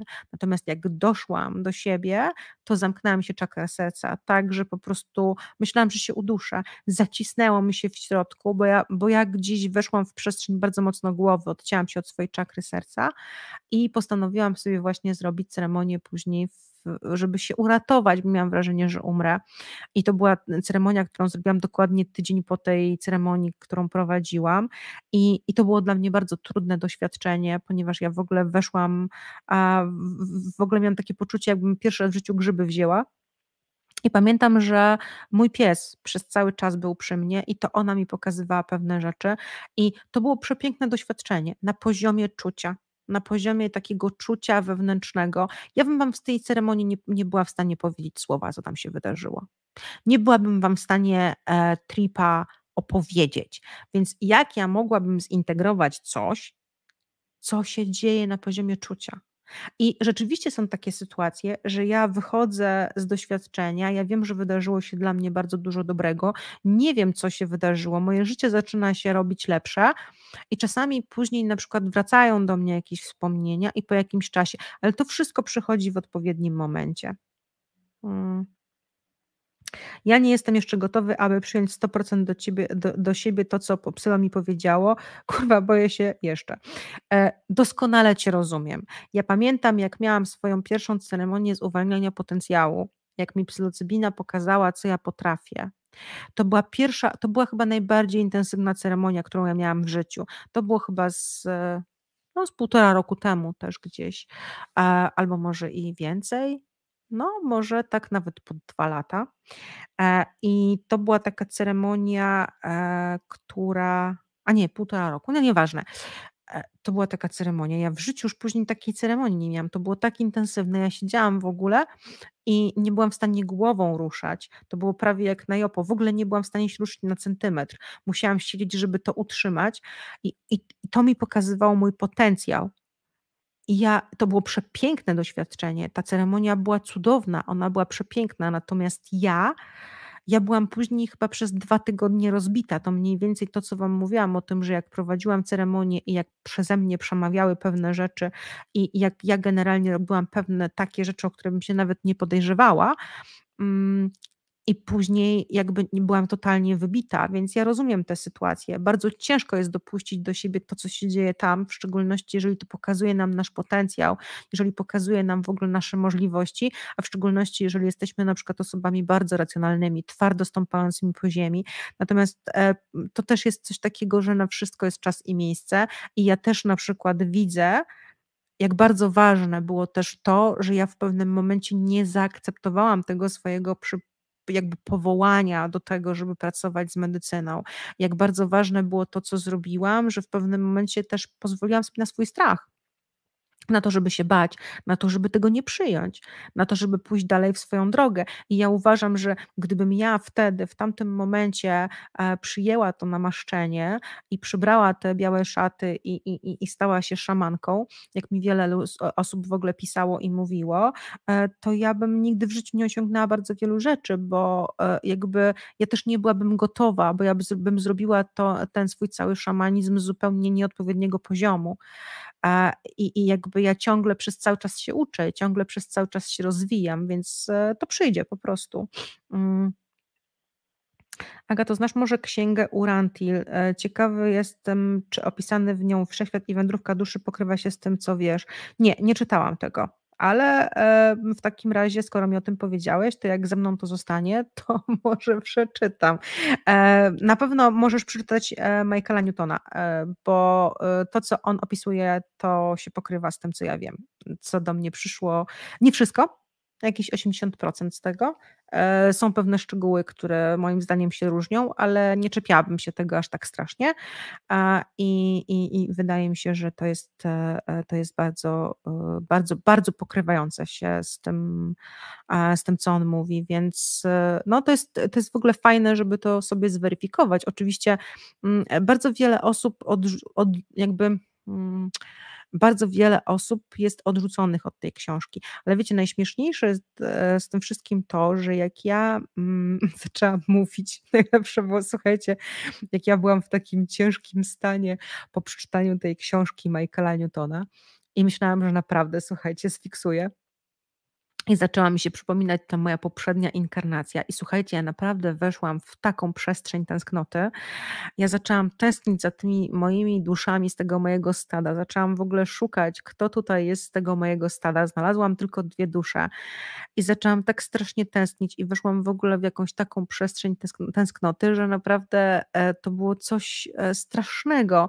Ja się poczułam w pewnym momencie strasznie osamotniona, e, strasznie taka, nie wiem, o Jezu, po prostu te emocje, które się przewalały przeze mnie. I najśmieszniejsze jest to, że ja poszłam do mojego terapeuty, który jest w ogóle taki e, do punktu i w ogóle jest taki e, strasznie, no mówię, no on jest z innej bajki. E, ale ja też w sumie trochę jestem z innej bajki, bo ja jestem gdzieś pomiędzy, wiecie, ta prawa i lewa strona, nie? I, i w ogóle jakby I jakby poszłam mu i zaczęłam mu opowiadać o tej mojej innej inkarnacji. I że to nie była inkarnacja ludzka, ta moja poprzednia inkarnacja. I że e, i to też jakby, słuchajcie, wszystko się. I on na mnie patrzył i słuchajcie, on mnie w ogóle, ja się go pytam, ja mówię, słuchaj, ale myślisz, że ja zwariowałam? No, ale, ale uznał, że jednak nie zwariowałam, więc, e, więc coś w tym jest. No. I, a jakby odnośnie jeszcze pewnych rzeczy, wiecie, no, e, bądźmy otwarci, tak, ale też e, bądźmy otwarci na te wszystkie swoje emocje, które się pojawiają, bo ja mam wrażenie, że my po prostu też dojrzewamy do pewnych rzeczy z czasem, tak? Ja też, e, cześć Jacku, ja też w ogóle jakby byłam, jak otwierałam ten kanał, to też byłam zupełnie inną osobą i, i w trakcie jakby się gdzieś też transformowałam i transformuję się przez cały czas i jakby i nie ma tego, czegoś takiego, że, że gdzieś pojawi się przerwa to się przez cały czas dzieje. Natomiast najważniejsze jest to, żeby się, słuchajcie, obudzić. I to rzeczywiście to, o czym mówi Demelo, że to przebudzenie, ten moment przebudzenia jest bardzo ważny, bo jak zaczynasz e, widzieć swoje życie i swój proces z perspektywy osoby przebudzonej, jak zaczynasz jakby dostrzegać sens tego wszystkiego, jak to się zaczyna wszystko układać, no to temu, tego temu się już nie da zaprzeczyć. No, to już po prostu nie, nie ma już odwrotu od tego. E, jak już raz pęknie ta skorupa, mm, oczywiście można się spróbować później ukryć, ale to, to nie ma już od tego odwrotu i e, jakby, no to jest też wszystko na poziomie czucia, że jakby bardzo śmieszne jest to, słuchajcie, że jakby ja, e, jak otwierałam w ogóle ten kanał, to miałam takie poczucie, że ja bardzo dużo wiem i że dostaję bardzo dużo wiedzy i pojawiało mi się w ogóle bardzo dużo takiej przestrzeni wiedzowej, że tu wiem, tam wiem, dostawałam bardzo dużo informacji, ale takich takich wiedzowych. Natomiast teraz to, co mi się pojawia w ogóle w mojej przestrzeni, to jest jakby, ja mam wrażenie, że moja wiedza e, jakby się nie zmieniła, natomiast jakby jest bardzo dużo czucia pojawia się bardzo dużo i to, i to jest bardzo trudne do wyjaśnienia, że, że to jest właśnie w tej perspektywie czucia. I, a, i właśnie co mi się jeszcze pojawiło, że właśnie tutaj przed przyjściem na live'a. Mm, że przed przyjściem na live'a e, właśnie, chyba nie wiem, już o tym mówiłam, ale no, czy powtórzę najwyżej, przed przyjściem na live'a obejrzałam jakiś fragment dotyczący przestrzeni serca e, i, e, i tego, i odnośnie wybaczenia. To jest taki temat, który mnie bardzo mocno prześladuje. Ja może nagram kolejny odcinek na temat tego wybaczenia, bo ostatnio w ogóle czytałam książkę Radykalne Wybaczanie, znaczy fragment książki, bo jeszcze jej nie przeczytałam do końca. Też bardzo ciekawy, ciekawa przestrzeń, bo, bo bo, bo ono też pokazuje bardzo dużo e, jakby mm, o tym samym, o czym mówimy, tak? E, to wszystko nie pasuje mi z perspektywy nazywania tego wybaczaniem, bo jakby ja widzę, e, jakby dlaczego na przykład pewne rzeczy się działy w moim życiu, dlaczego na przykład ktoś mnie skrzywdził w pewnym momencie i jakby ja w ogóle mam problem ze słowem na przykład wybaczenie, dlatego że ja w ogóle nie czuję mm, nie czuję, wiecie, takie jakby dla mnie, żeby komuś wybaczyć, to musiałabym być na kogoś, nie wiem, musiałabym odczuwać negatywne emocje wobec tej osoby, musiałabym w jakiś sposób, e, nie wiem, nienawidzić, czuć niechęć i tak dalej, i wtedy mogłabym ewentualnie tej osobie wybaczyć. Natomiast jeżeli e, ja tego nie czuję, to, to jest to dla mnie trudne.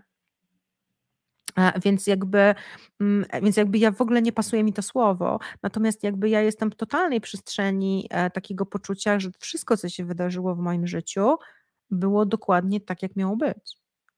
I ja nic bym w moim życiu nie zmieniła. Ostatnio e, mnie kolega właśnie zapytał, e, czy gdybym ja mogła, mając czarodziejską różdżkę, wiedząc, on wiedział, co się wydarzyło w moim domu rodzinnym, wiedział, co się wydarzyło w, mojej, e, w moim dzieciństwie, które było straszne.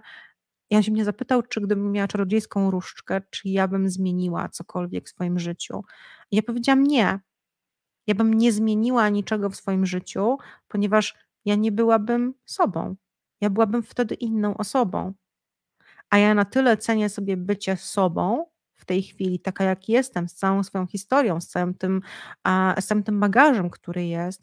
Możliwe, że właśnie dzięki temu bagażowi ja byłam w stanie przejść przez takie etapy, że może dzięki temu bagażowi, dzięki temu bólowi, dzięki temu cierpieniu, które się wydarzyło w moim życiu, ja byłabym w stanie się w pewnym momencie obudzić, bo e, jakby wiadomo, że jakby ja przeżyłam e, na pewnym etapie mojego życia horror i e, jakby to, to nie są zbyt przesadzone słowa. Ja nie chcę wchodzić w szczegóły, jeszcze nie jestem na to gotowa, ale te wszystkie rzeczy, one doprowadziły mnie do tego, gdzie jestem.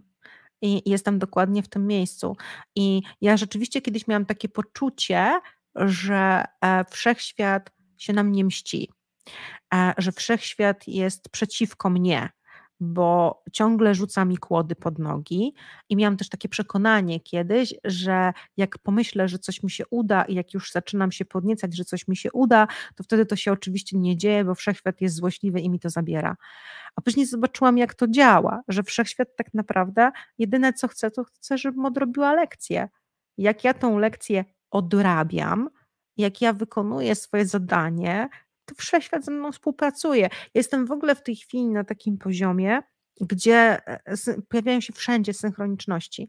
A ten poziom pracy w tej chwili jest taki, że ja praktycznie zadaję pytanie i za chwilę dostaję odpowiedź. I te odpowiedzi po prostu przychodzą do, na poziomie czucia i, i tak naprawdę ja wiem, że ja ich nie kwestionuję. Ja wiem, że one są moje. Mm. Mm. Okej. Okay. Bardzo polecam grę e, terapeutyczną Satori. To gra stworzona przez autora radykalnego wybaczenia. Niezwykle transformująca, ale najlepiej zagrać z dobrym terapeutą, tenerem radykalnego wybaczenia. E, mamy grać w to w mojej grupie e, terapeutycznej. To jest w ogóle też niesamowita przestrzeń dla mnie. Ten proces grupowy, w który ja weszłam, e, to też było dla mnie niesamowite, niesamowicie transformujące. Ciekawa jest ta, ta gra. Ja, e, ja radykalne wybaczenie absolutnie kupuję tą książkę pod każdym względem. E, jeśli jeśli chodzi w ogóle o sam koncept, bo jakby e, to, co mówi autor e, w tej książce, jeśli chodzi o, o, o, sam, o samą tą przestrzeń, jakby zaakceptowania i przyjęcia tej traumy, jakby nie, nie bycia w takim poczuciu skrzywdzenia, to jest dla mnie absolutnie na tak. Natomiast ja w tej chwili jestem, słuchajcie, w szkole przed treningiem terapeutycznym. W przyszły weekend, cztery dni mamy treningu terapeutycznego i trochę się boję, ale ciekawa jestem, um, ciekawa jestem, co, co tam się wydarzy ta gra właśnie pokazuje to, o czym mówisz, że wszystko nie dzieje się nam, ale dla nas. Tak, tak. To, co się wydarzyło w moim życiu, absolutnie było dla mnie. To, to jakby, y, jakby ja, ja teraz w ogóle widzę, wiecie, bardzo czasami, czasami to jest śmieszne, bo e, czasami bardzo czegoś chcemy, tak? I miałam taką historię e, chyba z rok temu, że bardzo pewnej rzeczy chciałam bardzo pewnej rzeczy chciałam i, e, i ta rzecz po prostu do mnie nie przychodziła. I ja miałam już w zasięgu ręki, mogłam wyciągnąć po to rękę, ale ta rzecz do mnie nie przyszła. I, I ja byłam w takim poczuciu, że w ogóle jeszcze wtedy nie widziałam dokładnie tego. Byłam w ogóle w takim poczuciu rozgoryczenia, że znowu mi się nie udało i tak dalej. I później zobaczyłam to już z perspektywy takich otwartych oczu i z perspektywy takiego przebudzenia, i sobie zobaczyłam, kurde, to w ogóle było tak cholernie mądre, to było tak cholernie niesamowite, że to się udało. E, to było naprawdę, e, to było naprawdę, naprawdę cudowne, że wtedy tego nie dostałam, bo ja wtedy absolutnie na to nie byłam gotowa. I tak samo na przykład było e, z pewną rzeczą dotyczącą mojego życia zawodowego. Ja miałam też takie swoje zawodowe marzenie i za każdym razem jakby to marzenie mi się nie udawało i miałam dokładnie to wymyślone. Miałam dokładnie, słuchajcie, wymyślony koncept tego, mm, jak chciałabym, żeby w pewnym momencie potoczyło się moje życie zawodowe. I jakby to lata trwało, e, że ciągle jakby było nie, nie, nie, nie, nie. I ja się w pewnym momencie poddałam i powiedziałam, okej, okay, dobra, no będzie jak będzie, tak, jakby nie będę się upierać, jakby puszczam to wszystko, ma tak być jak będzie. I, e, I nagle to się pojawiło samo, w ogóle bez wysiłku, bez niczego, nic nie musiałam robić. Nagle się pojawiło, mm, dostałam propozycję dokładnie e, taką, jak chciałam. I dopiero jak weszłam w to wszystko, to zobaczyłam, że to się nie mogło wydarzyć wcześniej. To, to było dla mnie tak kompletnie jasne, że po prostu ja w ogóle bym tam nie pasowała. To w ogóle to się nie mogło wydarzyć wcześniej. To się wydarzyło dokładnie w idealnym momencie e, i, i w ogóle dokładnie e, w takim, no, no, no cudowne to było w ogóle, że wiecie, po prostu w pewnym momencie masz takie wow, aha, to przyszło, i ostatnio mnie znajoma pytała, że na ile to jest jakby takie moje myślenie magiczne, a na ile to jest w rzeczywistości taka rzeczywistość, że może ja sobie tak chcę, jakby tak optymistycznie życie ułożyć, ale wiecie, to jest takie poczucie, że to czujesz, że czujesz tą prawdę każdą komórką swojego ciała. Tego nie da się oszukać. Um, jak nic, ani było wszystko potrzebne, żeby zakuty łeb zrozumiał. Jacku, czasami niestety tak w życiu jest, że ten zakuty łeb nie rozumie i czasami ten zakuty łeb musi tą samą lekcję kilka razy po, po, po, powtarzać. Tak samo jak mamy na przykład ze związkami, słuchajcie. Ostatnio do mnie dzwoni znajoma i mówi, słuchaj no, po prostu i kurwa kolejny toksyczny, no. I co w ogóle ja mówić? Znowu to samo. Ja mówię, stara, a jak kolejny toksyczny, to ty się zastanów, bo to coś ci mówi, to znaczy, że ty dostałaś kolejny raz tą samą lekcję, co znaczy, że nie, nie odrobiłaś jej sześć razy, więc może zrób to w końcu to samo. No. Mm. Więc, więc to jest ok. E, tutaj jeszcze, ta, ta, że ta gra Satori bazuje na, na działaniu pola, podobnie jak w ustawieniach, jest naprawdę niezwykła. E, jesteśmy umówieni w ogóle na nią z moją grupą e, z roku, ale to już będzie po tym, po tym treningu terapeutycznym, na pewno będziemy to robić.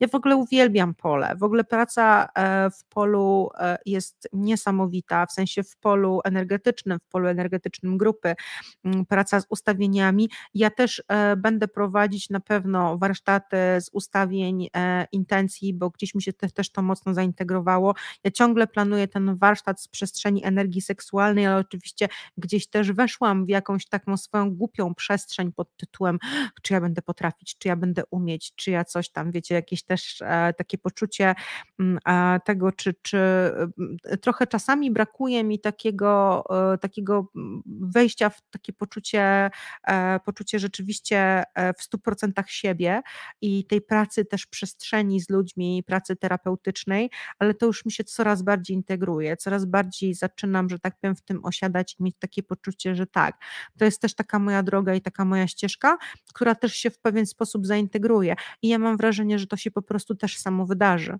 E, I to się wydarzy dokładnie w tym momencie, e, kiedy e, mm, I ja tak widzę do, do, dokładnie w tym momencie, e, w której ten, w której ma się wydarzyć. Ok, dalej, co tutaj mamy? Przyjęte jest, że około 5 gram to ilość heroiczna. Kosmiczne przeżycie miałem w środę. A czym się różni trip z 10 gram od tripa 5 gram długością, głębią? Daniel, e, powiem Ci tak. E, najwięcej bad tripów miałam na 10 gramach.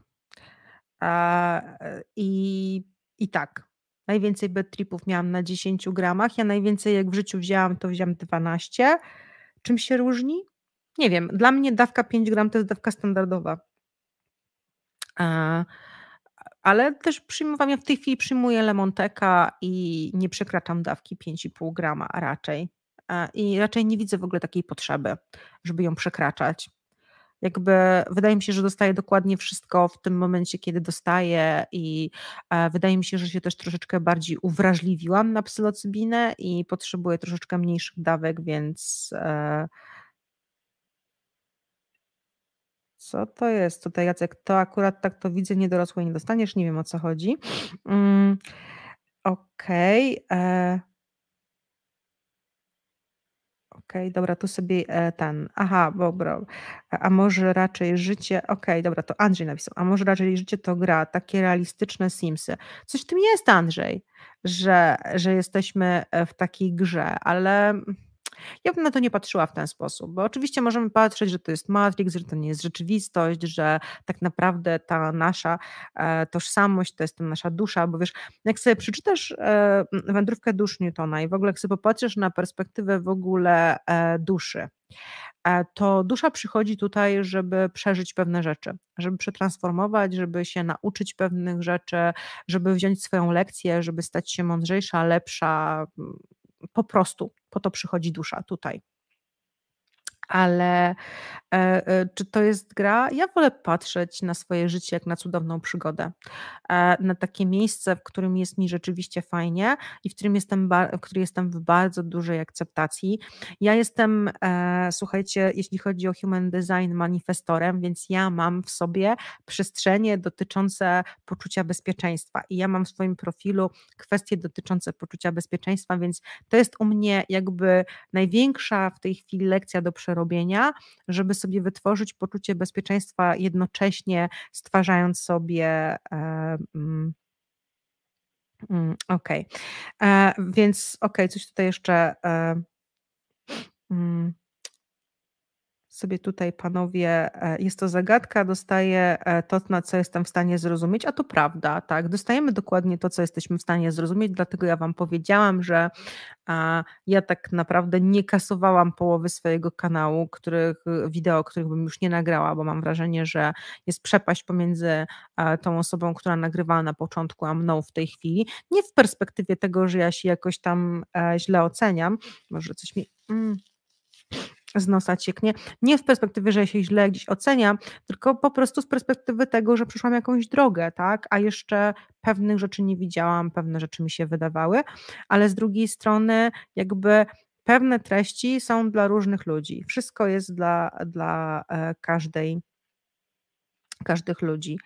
E, Jacek Domański, poczekaj, wydarzy się i nie potrzeba grzybów. A to jest akurat prawda bo jak zaczynamy się, e, jak będziemy generalnie rzecz biorąc, e, jak wejdziemy w przestrzeń e, zaufania jak wejdziemy w przestrzeń przebudzenia i jak otworzymy w sobie te trzy przestrzenie, o których ja niedługo będę mówić, kiedy będziemy w stanie funkcjonować w ten sposób, to żadne psychodeliki nie będą nam już potrzebne. Oczywiście no, można to zrobić dla jakiegoś pogłębionego doświadczenia wtedy, ale ja powiem Wam, że ja w tej chwili, tak jak mówiłam na początku, mam zakaz zbliżania się do psylocybiny. Nie wiem na jak długo, podejrzewam, że na jakiś czas i jakby ja zupełnie nie potrzebuję. Ja zupełnie jej nie potrzebuję, bo e, nawet są takie momenty, mm, kiedy jeżeli e, jakby czuję taką potrzebę, że chciałabym nad czymś pracować, jeżeli wypełniam jakiś tam swój element, e, to w takiej sytuacji po prostu jakby zaczynam pracować tą swoją metodą i jestem w stanie zrobić to bez żadnych substancji pomocniczych. Jestem w stanie dojść do pewnych rzeczy. Poza tym bardzo wiele e, sytuacji w tej chwili wygląda tak, że jeżeli nie wiem czegoś i zadaję sobie pytanie, to po prostu sobie je zadaję i odpowiedź. Ja bardzo często mam tak, że siedzę, ostatnio miałam, słuchajcie, tak, że e, siedzę sobie w parku z psem coś tam sobie robimy i do mnie przyszło takie pytanie dotyczące właśnie tej mojej prawej i lewej strony, e, którą dosyć mocno rozkminiam i te, tego mojego lewego kolana. To jest w ogóle też dla mnie taka przestrzeń, słuchajcie, do pracy to moje lewe kolano, że to jest dla mnie tak totalnie jasne, dlaczego miałam wypadek, bo też się na przykład moi znajomi pytają, w ogóle ty jesteś jakaś rąbnięta, w ogóle uważasz, że, e, że dobrze, że ci się wypadek zdarzył, tak? I że musiałaś przejść operację, że musiałaś przejść kosmiczny ból, i to wszystko. A ja do dzisiaj uważam, słuchajcie, że e, dla mnie ten e, wypadek, który mi się wydarzył, to był totalny, game changer. W szczególności, że e, na przykład, słuchajcie, E, ten koleś, który do mnie napisał, jak ja leżałam na tym sorze, w ogóle to jest kuriozalna sytuacja. Ja leżałam w bólu na sorze i pisał do mnie jakiś koleś, którego słowa de facto przetransformowały u mnie w coś, e, co zmieniło w ogóle mój sposób postrzegania pewien, pewien o 180 stopni. To się wszystko musiało dokładnie tak wydarzyć. Jednocześnie moje kolano, które e, ciągle jakby nie chce się jeszcze do końca wygoić, ono też ze mną przez cały czas pracuje. I właśnie siedziałam sobie w parku i tak sobie pomyślałam, kurczę, Szkoda, że nie mogę tripować, bo w sumie nie znam odpowiedzi na takie pytanie, a zajrzałabym tam w jakąś przestrzeń. I ja sobie to puściłam. Po prostu rzuciłam sobie to pytanie, puściłam to, po czym wróciłam do domu i nie wiem, po dwóch czy po trzech godzinach e, nagle, nagle mnie olśniło. Okazało się, że wszystkie odpowiedzi, wszystkie jakieś tam dręczące mnie kwestie zaczęły, zaczęły przypływać i ta wiedza przychodzi sama nie ma takiej potrzeby do tego, żeby, żeby w tej chwili udawać się gdziekolwiek, bo jeżeli przejdziemy do środka, jeżeli będziemy w stanie spotkać się ze sobą, a wiecie, tam, żeby przejść do środka i żeby też jakby być w środku i być przy sobie, czasami trzeba spotkać się też e, z tym swoim wewnętrznym głównym e, i, i trzeba być na to, na to gotowym, tak? Więc e, też na spokojnie, bo ja też się bardzo długo do tego. Mm, przygotowywałam. E, human design jest fascynujący, a w astrologii i numerologii kim jesteś? Jeśli chodzi o astrologię, to jestem e, zodiakalną rybą, ale jestem, mam ascendent w bliźniętach, mam podwójny dualizm, stąd też jest kwestia dotycząca tej mojej dualności i tej prawej i lewej strony, bo ja mam, zobaczcie, mam dwa jakby podwójne znaki. Ryby i bliźnięta to są dwa podwójne znaki, więc, więc tak. Natomiast jeśli chodzi o numerologię, to nie wiem. Natomiast rzeczywiście, jeśli chodzi o human design, no to jest coś, co, e, co było dla mnie takim strasznym game changerem. E, ja się nie spodziewałam e, tego, że on będzie dla mnie tak bardzo istotny. No i na pewno nie jest też dla mnie to proste, że jestem tym manifestorem, bo szczerze mówiąc, to ja jeszcze nie spotkałam w swojej przestrzeni czystego manifestora. Natomiast bardzo dużo generatorów w tej chwili spotykam, bardzo, bardzo dużo. Ja ciekawa jestem w ogóle, ogóle o czym to jest, bo wydaje mi się, że taki czysty manifestor z czystym generatorem to mogą nawywijać. To może być dosyć ciekawe. Mm, mm, Okej. Okay. Jest rzeczywistość, ale są rzeczy, które dzieją się spontanicznie, a to powala odjazd do psychiatry. Nie wiem o czym o co ci chodzi, Jasku, e, bo ja generalnie rzecz biorąc e, mm, nie mam takiego odjazdu do psychiatry. Dzieją się rzeczywistości, dzieją się różne rzeczy. Czasami rzeczywiście, jak do mnie przemawia e, moja przewodniczka duchowa, tudzież moja dusza, to na początku było tak, że myślałam, że zwariowałam, a teraz już powoli zaczynam to akceptować. E, a słyszałaś może o takiej teorii, że przychodzimy na ten świat mając w sobie tak zwany e, złą, mroczną część naszej osobowości, tak zwany cień i że to jest upadła dusza i my mamy ją naprawić. Okej. Okay. Słyszałam o takiej teorii, że przychodzimy z bólem. I jakby w ogóle, że przejście duszy na ten świat jest też związane z bólem. I my ten ból musimy przetransformować. I szczerze mówiąc, każda dusza ma złą i mroczną część. I to rzeczywiście też się trzeba z tym spotkać, z tą złą i mroczną częścią. E, ogólnie rzecz biorąc, jakby to są dwa aspekty: ten ból, ten cień, który też tam spotykamy. Natomiast to nie jest upadła dusza. My nie przychodzimy, bo są dusze, okej, okay, jakby są, są jakby różne dusze, bo te dusze, które tutaj przychodzą, one mają różny poziom. Dusze mają różny poziom zaawansowania, różny też sposób. Są dusze, które przychodzą tutaj odrobić swój cień i odrobić swoją lekcję. I one na przykład, e, jeżeli coś nawywijały, to muszą się z tym spotkać bardzo mocno i bardzo często doświadczają tego samego. Więc to nie jest tak, że każda dusza e, jest duszą upadłą jednocześnie. I jest jakby, jest duszą upadłą generalnie rzecz biorąc, nie każda dusza. Natomiast jakby to jest też tak, że bardzo często dusze mogą sobie wybrać i jeżeli na przykład chcą dokonać bardzo dużej transformacji, to mogą sobie na przykład wybrać e, inkarnację taką, która będzie dla nich trudna. Taką, która będzie dla nich bolesna, dodatkowo bolesna. Więc jakby ja e, miałam taką przestrzeń związaną z moją duszą, kiedy mi pokazano tak naprawdę, jaki ból był związany dla mojej duszy z przyjściem tutaj. I to jest też ten ból, z którym się trzeba spotkać i który trzeba e, e, przetransformować. Mm wychować na dobrą duszę i że to jest jeden z naszych celów zejścia na ziemię. Nie, naszym celem zejścia na ziemię jest przetransformowanie.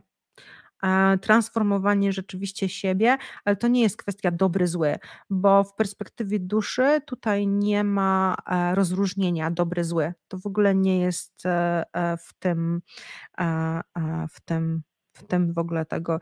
Jacek, ja w ogóle nie wiem, nie wiem do kogo ty mówisz i nie wiem w ogóle o czym ty mówisz e, za bardzo, bo, e, mm, bo mówisz tu jestem tu, żeby doświadczać i nie ma czegoś takiego, bo jesteś bo jesteś droga, nie ma znaczenia, masz lekcje do odrobienia. Nie, nie zupełnie, jakby wypowiadaj się, jak, jak coś do mnie mówisz, to chyba, że mówisz do innych osób, to, to wypowiadaj się, bo ja ciebie zupełnie e, nie, e, nie ogarniam. Ja dokładnie mówię o tych rzeczach, o których ty piszesz, a nie wiem, nie wiem, nie, nie ogarniam cię zupełnie. Mm jakby dla mnie ta przestrzeń tutaj jest absolutnie miejscem do nie tylko doświadczania, bo ja tu nie jestem po to, żeby doświadczać. Ja mam konkretne zadania do wykonania. jestem tutaj po to, żeby transformować. Oczywiście one się mogą wiązać z doświadczaniem, i Twoja lekcja może być zupełnie inna niż moja, i tak samo inni ludzie mogą mieć inną lekcję do odrobienia, bo nie wszyscy są też gotowi na pełną transformację. Niektórzy tutaj na przykład przyszli po to, żeby mieć lekkie zadanie, i na przykład niektórzy przyszli tutaj po prostu, żeby sobie pobyć, niektórzy sobie wybierają, żeby mieć tutaj lekko, więc jakby nie każdy ma to samo zadanie i nie każdy ma to samo tutaj do zrobienia, i nie każdego cel duszy jest dokładnie taki sam. Trzeba generalnie rzecz biorąc po prostu, e, trzeba generalnie rzecz biorąc po prostu w pewnym momencie odnaleźć swój cel. Odnaleźć swój cel i tyle, a nie jakby kombinować. Nie dla każdego cel będzie taki sam i nie dla każdego można nałożyć dokładnie takie same prawidła. Zresztą Newton o tym pisze. Są różne poziomy dusz i e, dla różnej duszy będą różne potrzeby, różne lekcje do odrobienia. Ja, Jacek, nadal cię nie rozumiem, co do mnie piszesz. Ja wiem, że ty coś tam pisałeś do mnie. Ja nie pamiętam wszystkiego, co ty do mnie, e, e, jak generalnie rzecz biorąc, pisałeś. Ja ci chcę jeszcze raz powtórzyć. Ty masz swoją jakąś lekcję do odrobienia, miałeś swoje inkarnacje, pamiętasz je, wiesz, że masz jakąś na przykład jakiś swój cień, musisz tutaj generalnie odrobić swoją misję, ale każdy zszedł tutaj z innego powodu. Każdy ma tutaj jakąś inną, generalnie rzecz biorąc, potrzebę. I ja cię proszę, bo jakby wiesz, każdy ma tutaj, każdy jest tutaj po to, żeby znaleźć swój własny cel ale ten cel nie jest tożsamy. Ja mam swój cel i każdy ma swój inny cel. Nie ma tożsamości.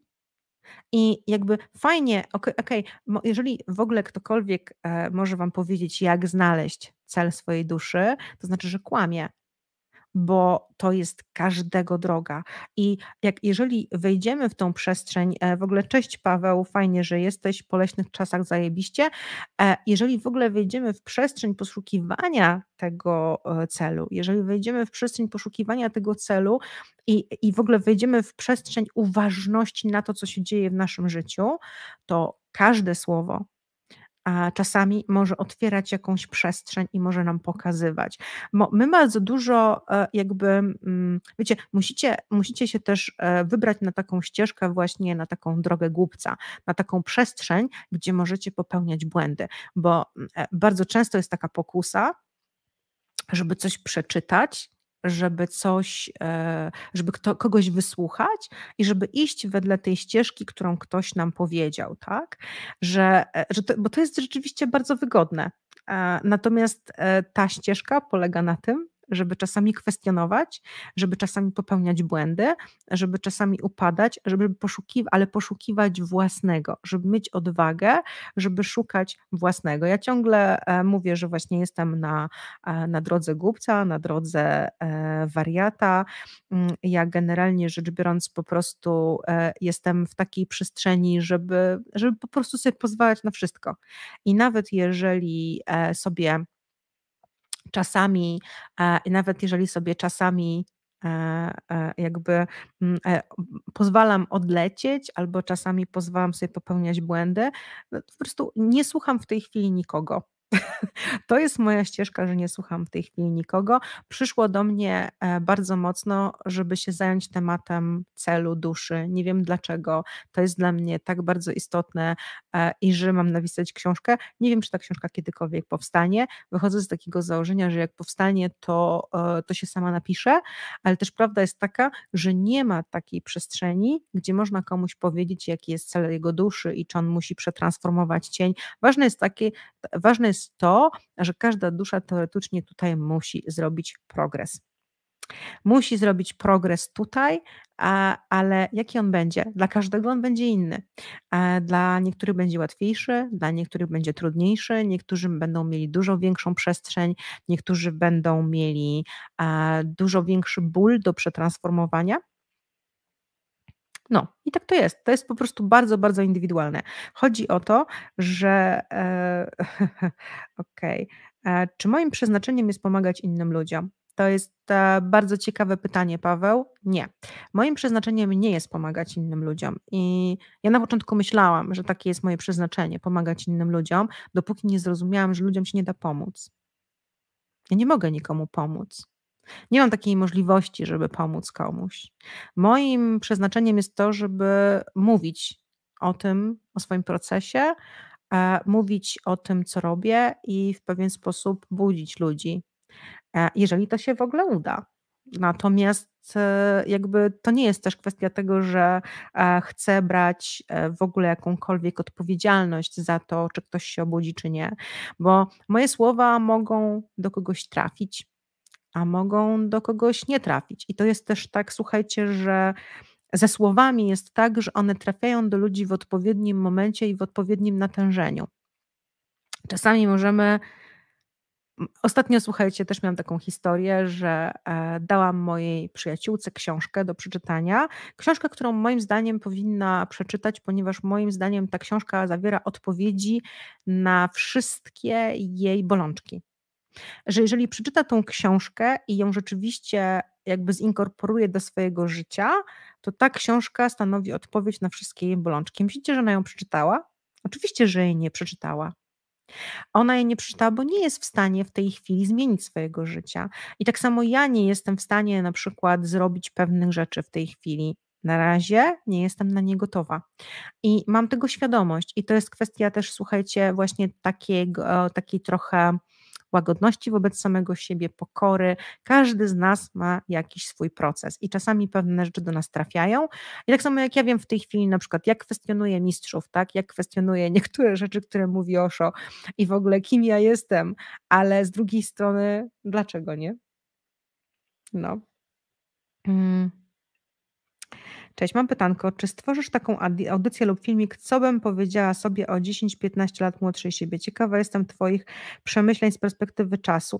E, tak, nawet e, planuję, planuję zrobić taką, e, taką może nie audycję, no ta, taki podcast, co bym sobie powiedziała, chociaż nie wiem, czy to w ogóle miałoby sens, bo jakby z perspektywy mojego procesu uważam, że wszystko, co się wydarzyło, wydarzyło się dokładnie tak, jak się miało wydarzyć.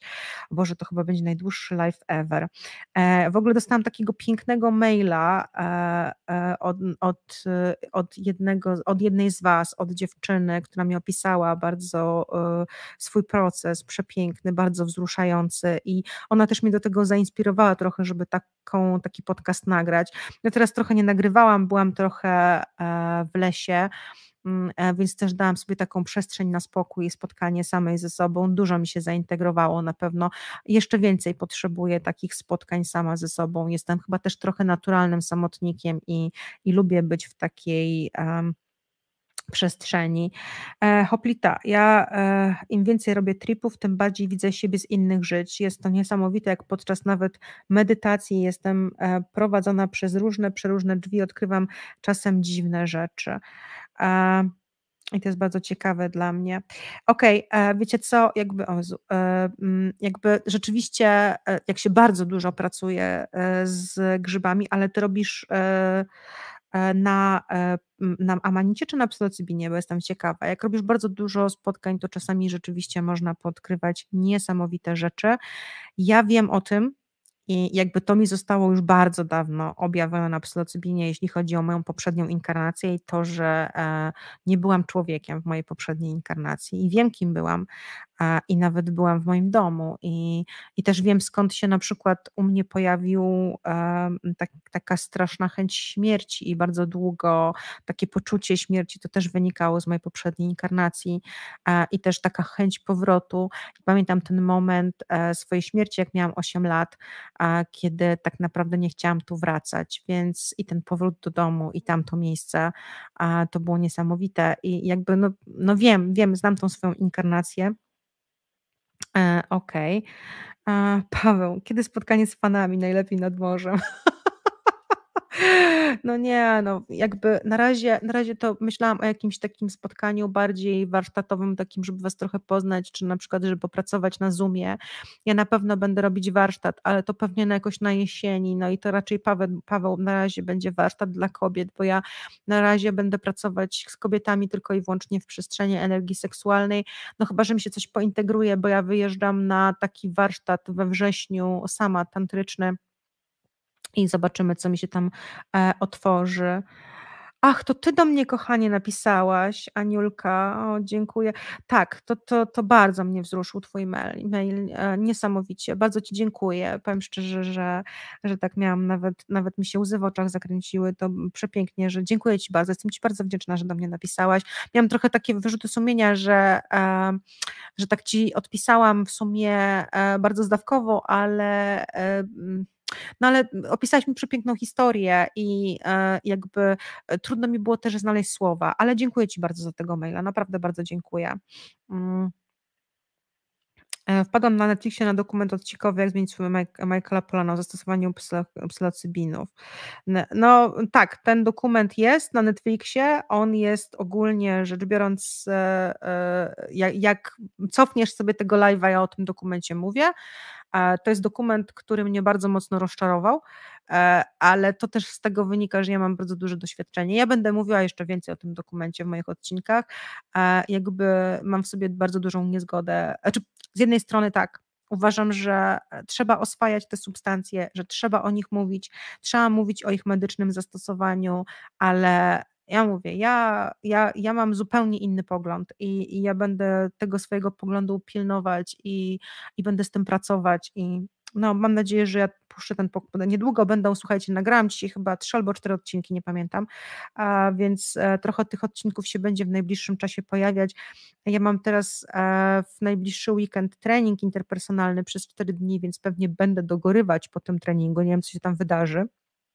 Ale to też jest piękne, słuchajcie, praca terapeutyczna, taka zwykła praca terapeutyczna właśnie w polu, w procesie grupowym, ja Wam to bardzo polecam. To naprawdę totalnie zmienia optykę i jakby moim zdaniem też było taką przestrzenią, która pomogła mi się bardzo mocno, e, mm, bardzo mocno po, poz, pozwala mm, jakby się otworzyć też na innych ludzi, zobaczyć relacje i z perspektywy w ogóle otwarcia, samego przebudzenia, otwarcia oczu, dla mnie to był też niesamowity game changer, jeśli chodzi o pracę, e, pracę z ludźmi i to, co można osiągnąć na zwykłej terapii, oczywiście właściwie wykorzystanej mm, i jeszcze połączenie psychoterapii i psylocybiny. Ja słuchajcie, też ostatnio prowadzę sporo korespondencji z różnymi osobami e, a propos mikrodawkowania psylocybiny i dużo rzeczy mi się integruje i też pojawiają mi się w moich przestrzeniach, dlaczego mi pewne rzeczy wybijały w momencie, e, kiedy pracowałam z psylocybiną i e, z LSD, jakby też mi się pojawiają takie przestrzenie, że w pewnym momencie po prostu e, mm, po prostu integrują mi się, e, e, układają mi się pewne rzeczy w całość, dlaczego tak, a nie inaczej. I też mam takie poczucie, że mikrodawkowanie psylocybiny jest totalnie niezrozumiałe, bo wszyscy chcieliby zrobić z psychodelików, jeśli chodzi o microdosing, taką typową tabletkę antydepresyjną, a to zupełnie tak nie działa. I pewnie będę robić też taki zupdate'owany odcinek i będę mówiła o tym, że jakby jak to wszystko działa. E, Okej, okay. E, kurczę, pisałam tego maila chyba z dwie godziny, bo sama nie wiedziałam, jak wyrazić słowami to, to co mi zaskoczyło po jednym z Twoich filmów. Powszechnie zaczęłaś się otwierać i powiedzieć o swoich problemach. E, bardzo cenię sobie i bardzo dziękuję Ci za tą otwartość. To, to, to jest naprawdę e, niesamowite. Mm, Agata, ludziom nie da się pomóc, ale trzeba pomagać, jak niektórzy nie chcą tego albo nie rozumią, co do nich gadasz. Jacku, ludziom nie da się pomóc, i nie trzeba ludziom pomagać. Koniec, kropka. To jest jedno, co generalnie rzecz biorąc można zrobić. Nie trzeba ludziom pomagać, się otwierać. Jak ludzie nie rozumieją, co do nich gadasz, to się zamknij i sobie rób swoje a nie, że będziesz narzucać ludziom to, co ty myślisz, że oni powinni zrobić. Są tacy ludzie, którzy umrą nie wykonując swojego zadania. Są tacy ludzie. Oczywiście ja nie mówię o pomaganiu zwykłym ludzkim pod tytułem, że komuś, nie wiem, dam pieniądze na ulicę, czy zaopiekuję się, przyniosę koc, czy pomogę e, zwierzęciu, czy pomogę starszej pani wnieść zakupy i tak dalej. Taka pomoc jak najbardziej. Natomiast w perspektywie samorozwoju nikomu nie trzeba pomagać ludzie ogólnie rzecz biorąc po prostu albo wezmą od ciebie coś, albo nie wezmą. I to jest jakby podstawowa lekcja, którą trzeba zapamiętać. Jak będziesz wychodził z takiej przestrzeni, że musisz ludziom pomagać, że musisz ludziom pomagać, bo oni nie otworzą oczu. Ja miałam w sobie taką potrzebę też kiedyś że miałam takie poczucie, że Jezu, oni powinni otworzyć oczy. Na przykład w szczególności już pomijając ludzi e, w kwestii na kanale, ja w stosunku do moich bliskich miałam taki problem, że ja chciałam nimi potrząsać, chciałam im pokazywać, zobacz, zobacz, to jest takie proste. A teraz odpuściłam, bo wychodzę z takiego założenia, że to jest ich życie. I albo oni to wezmą, albo tego nie wezmą.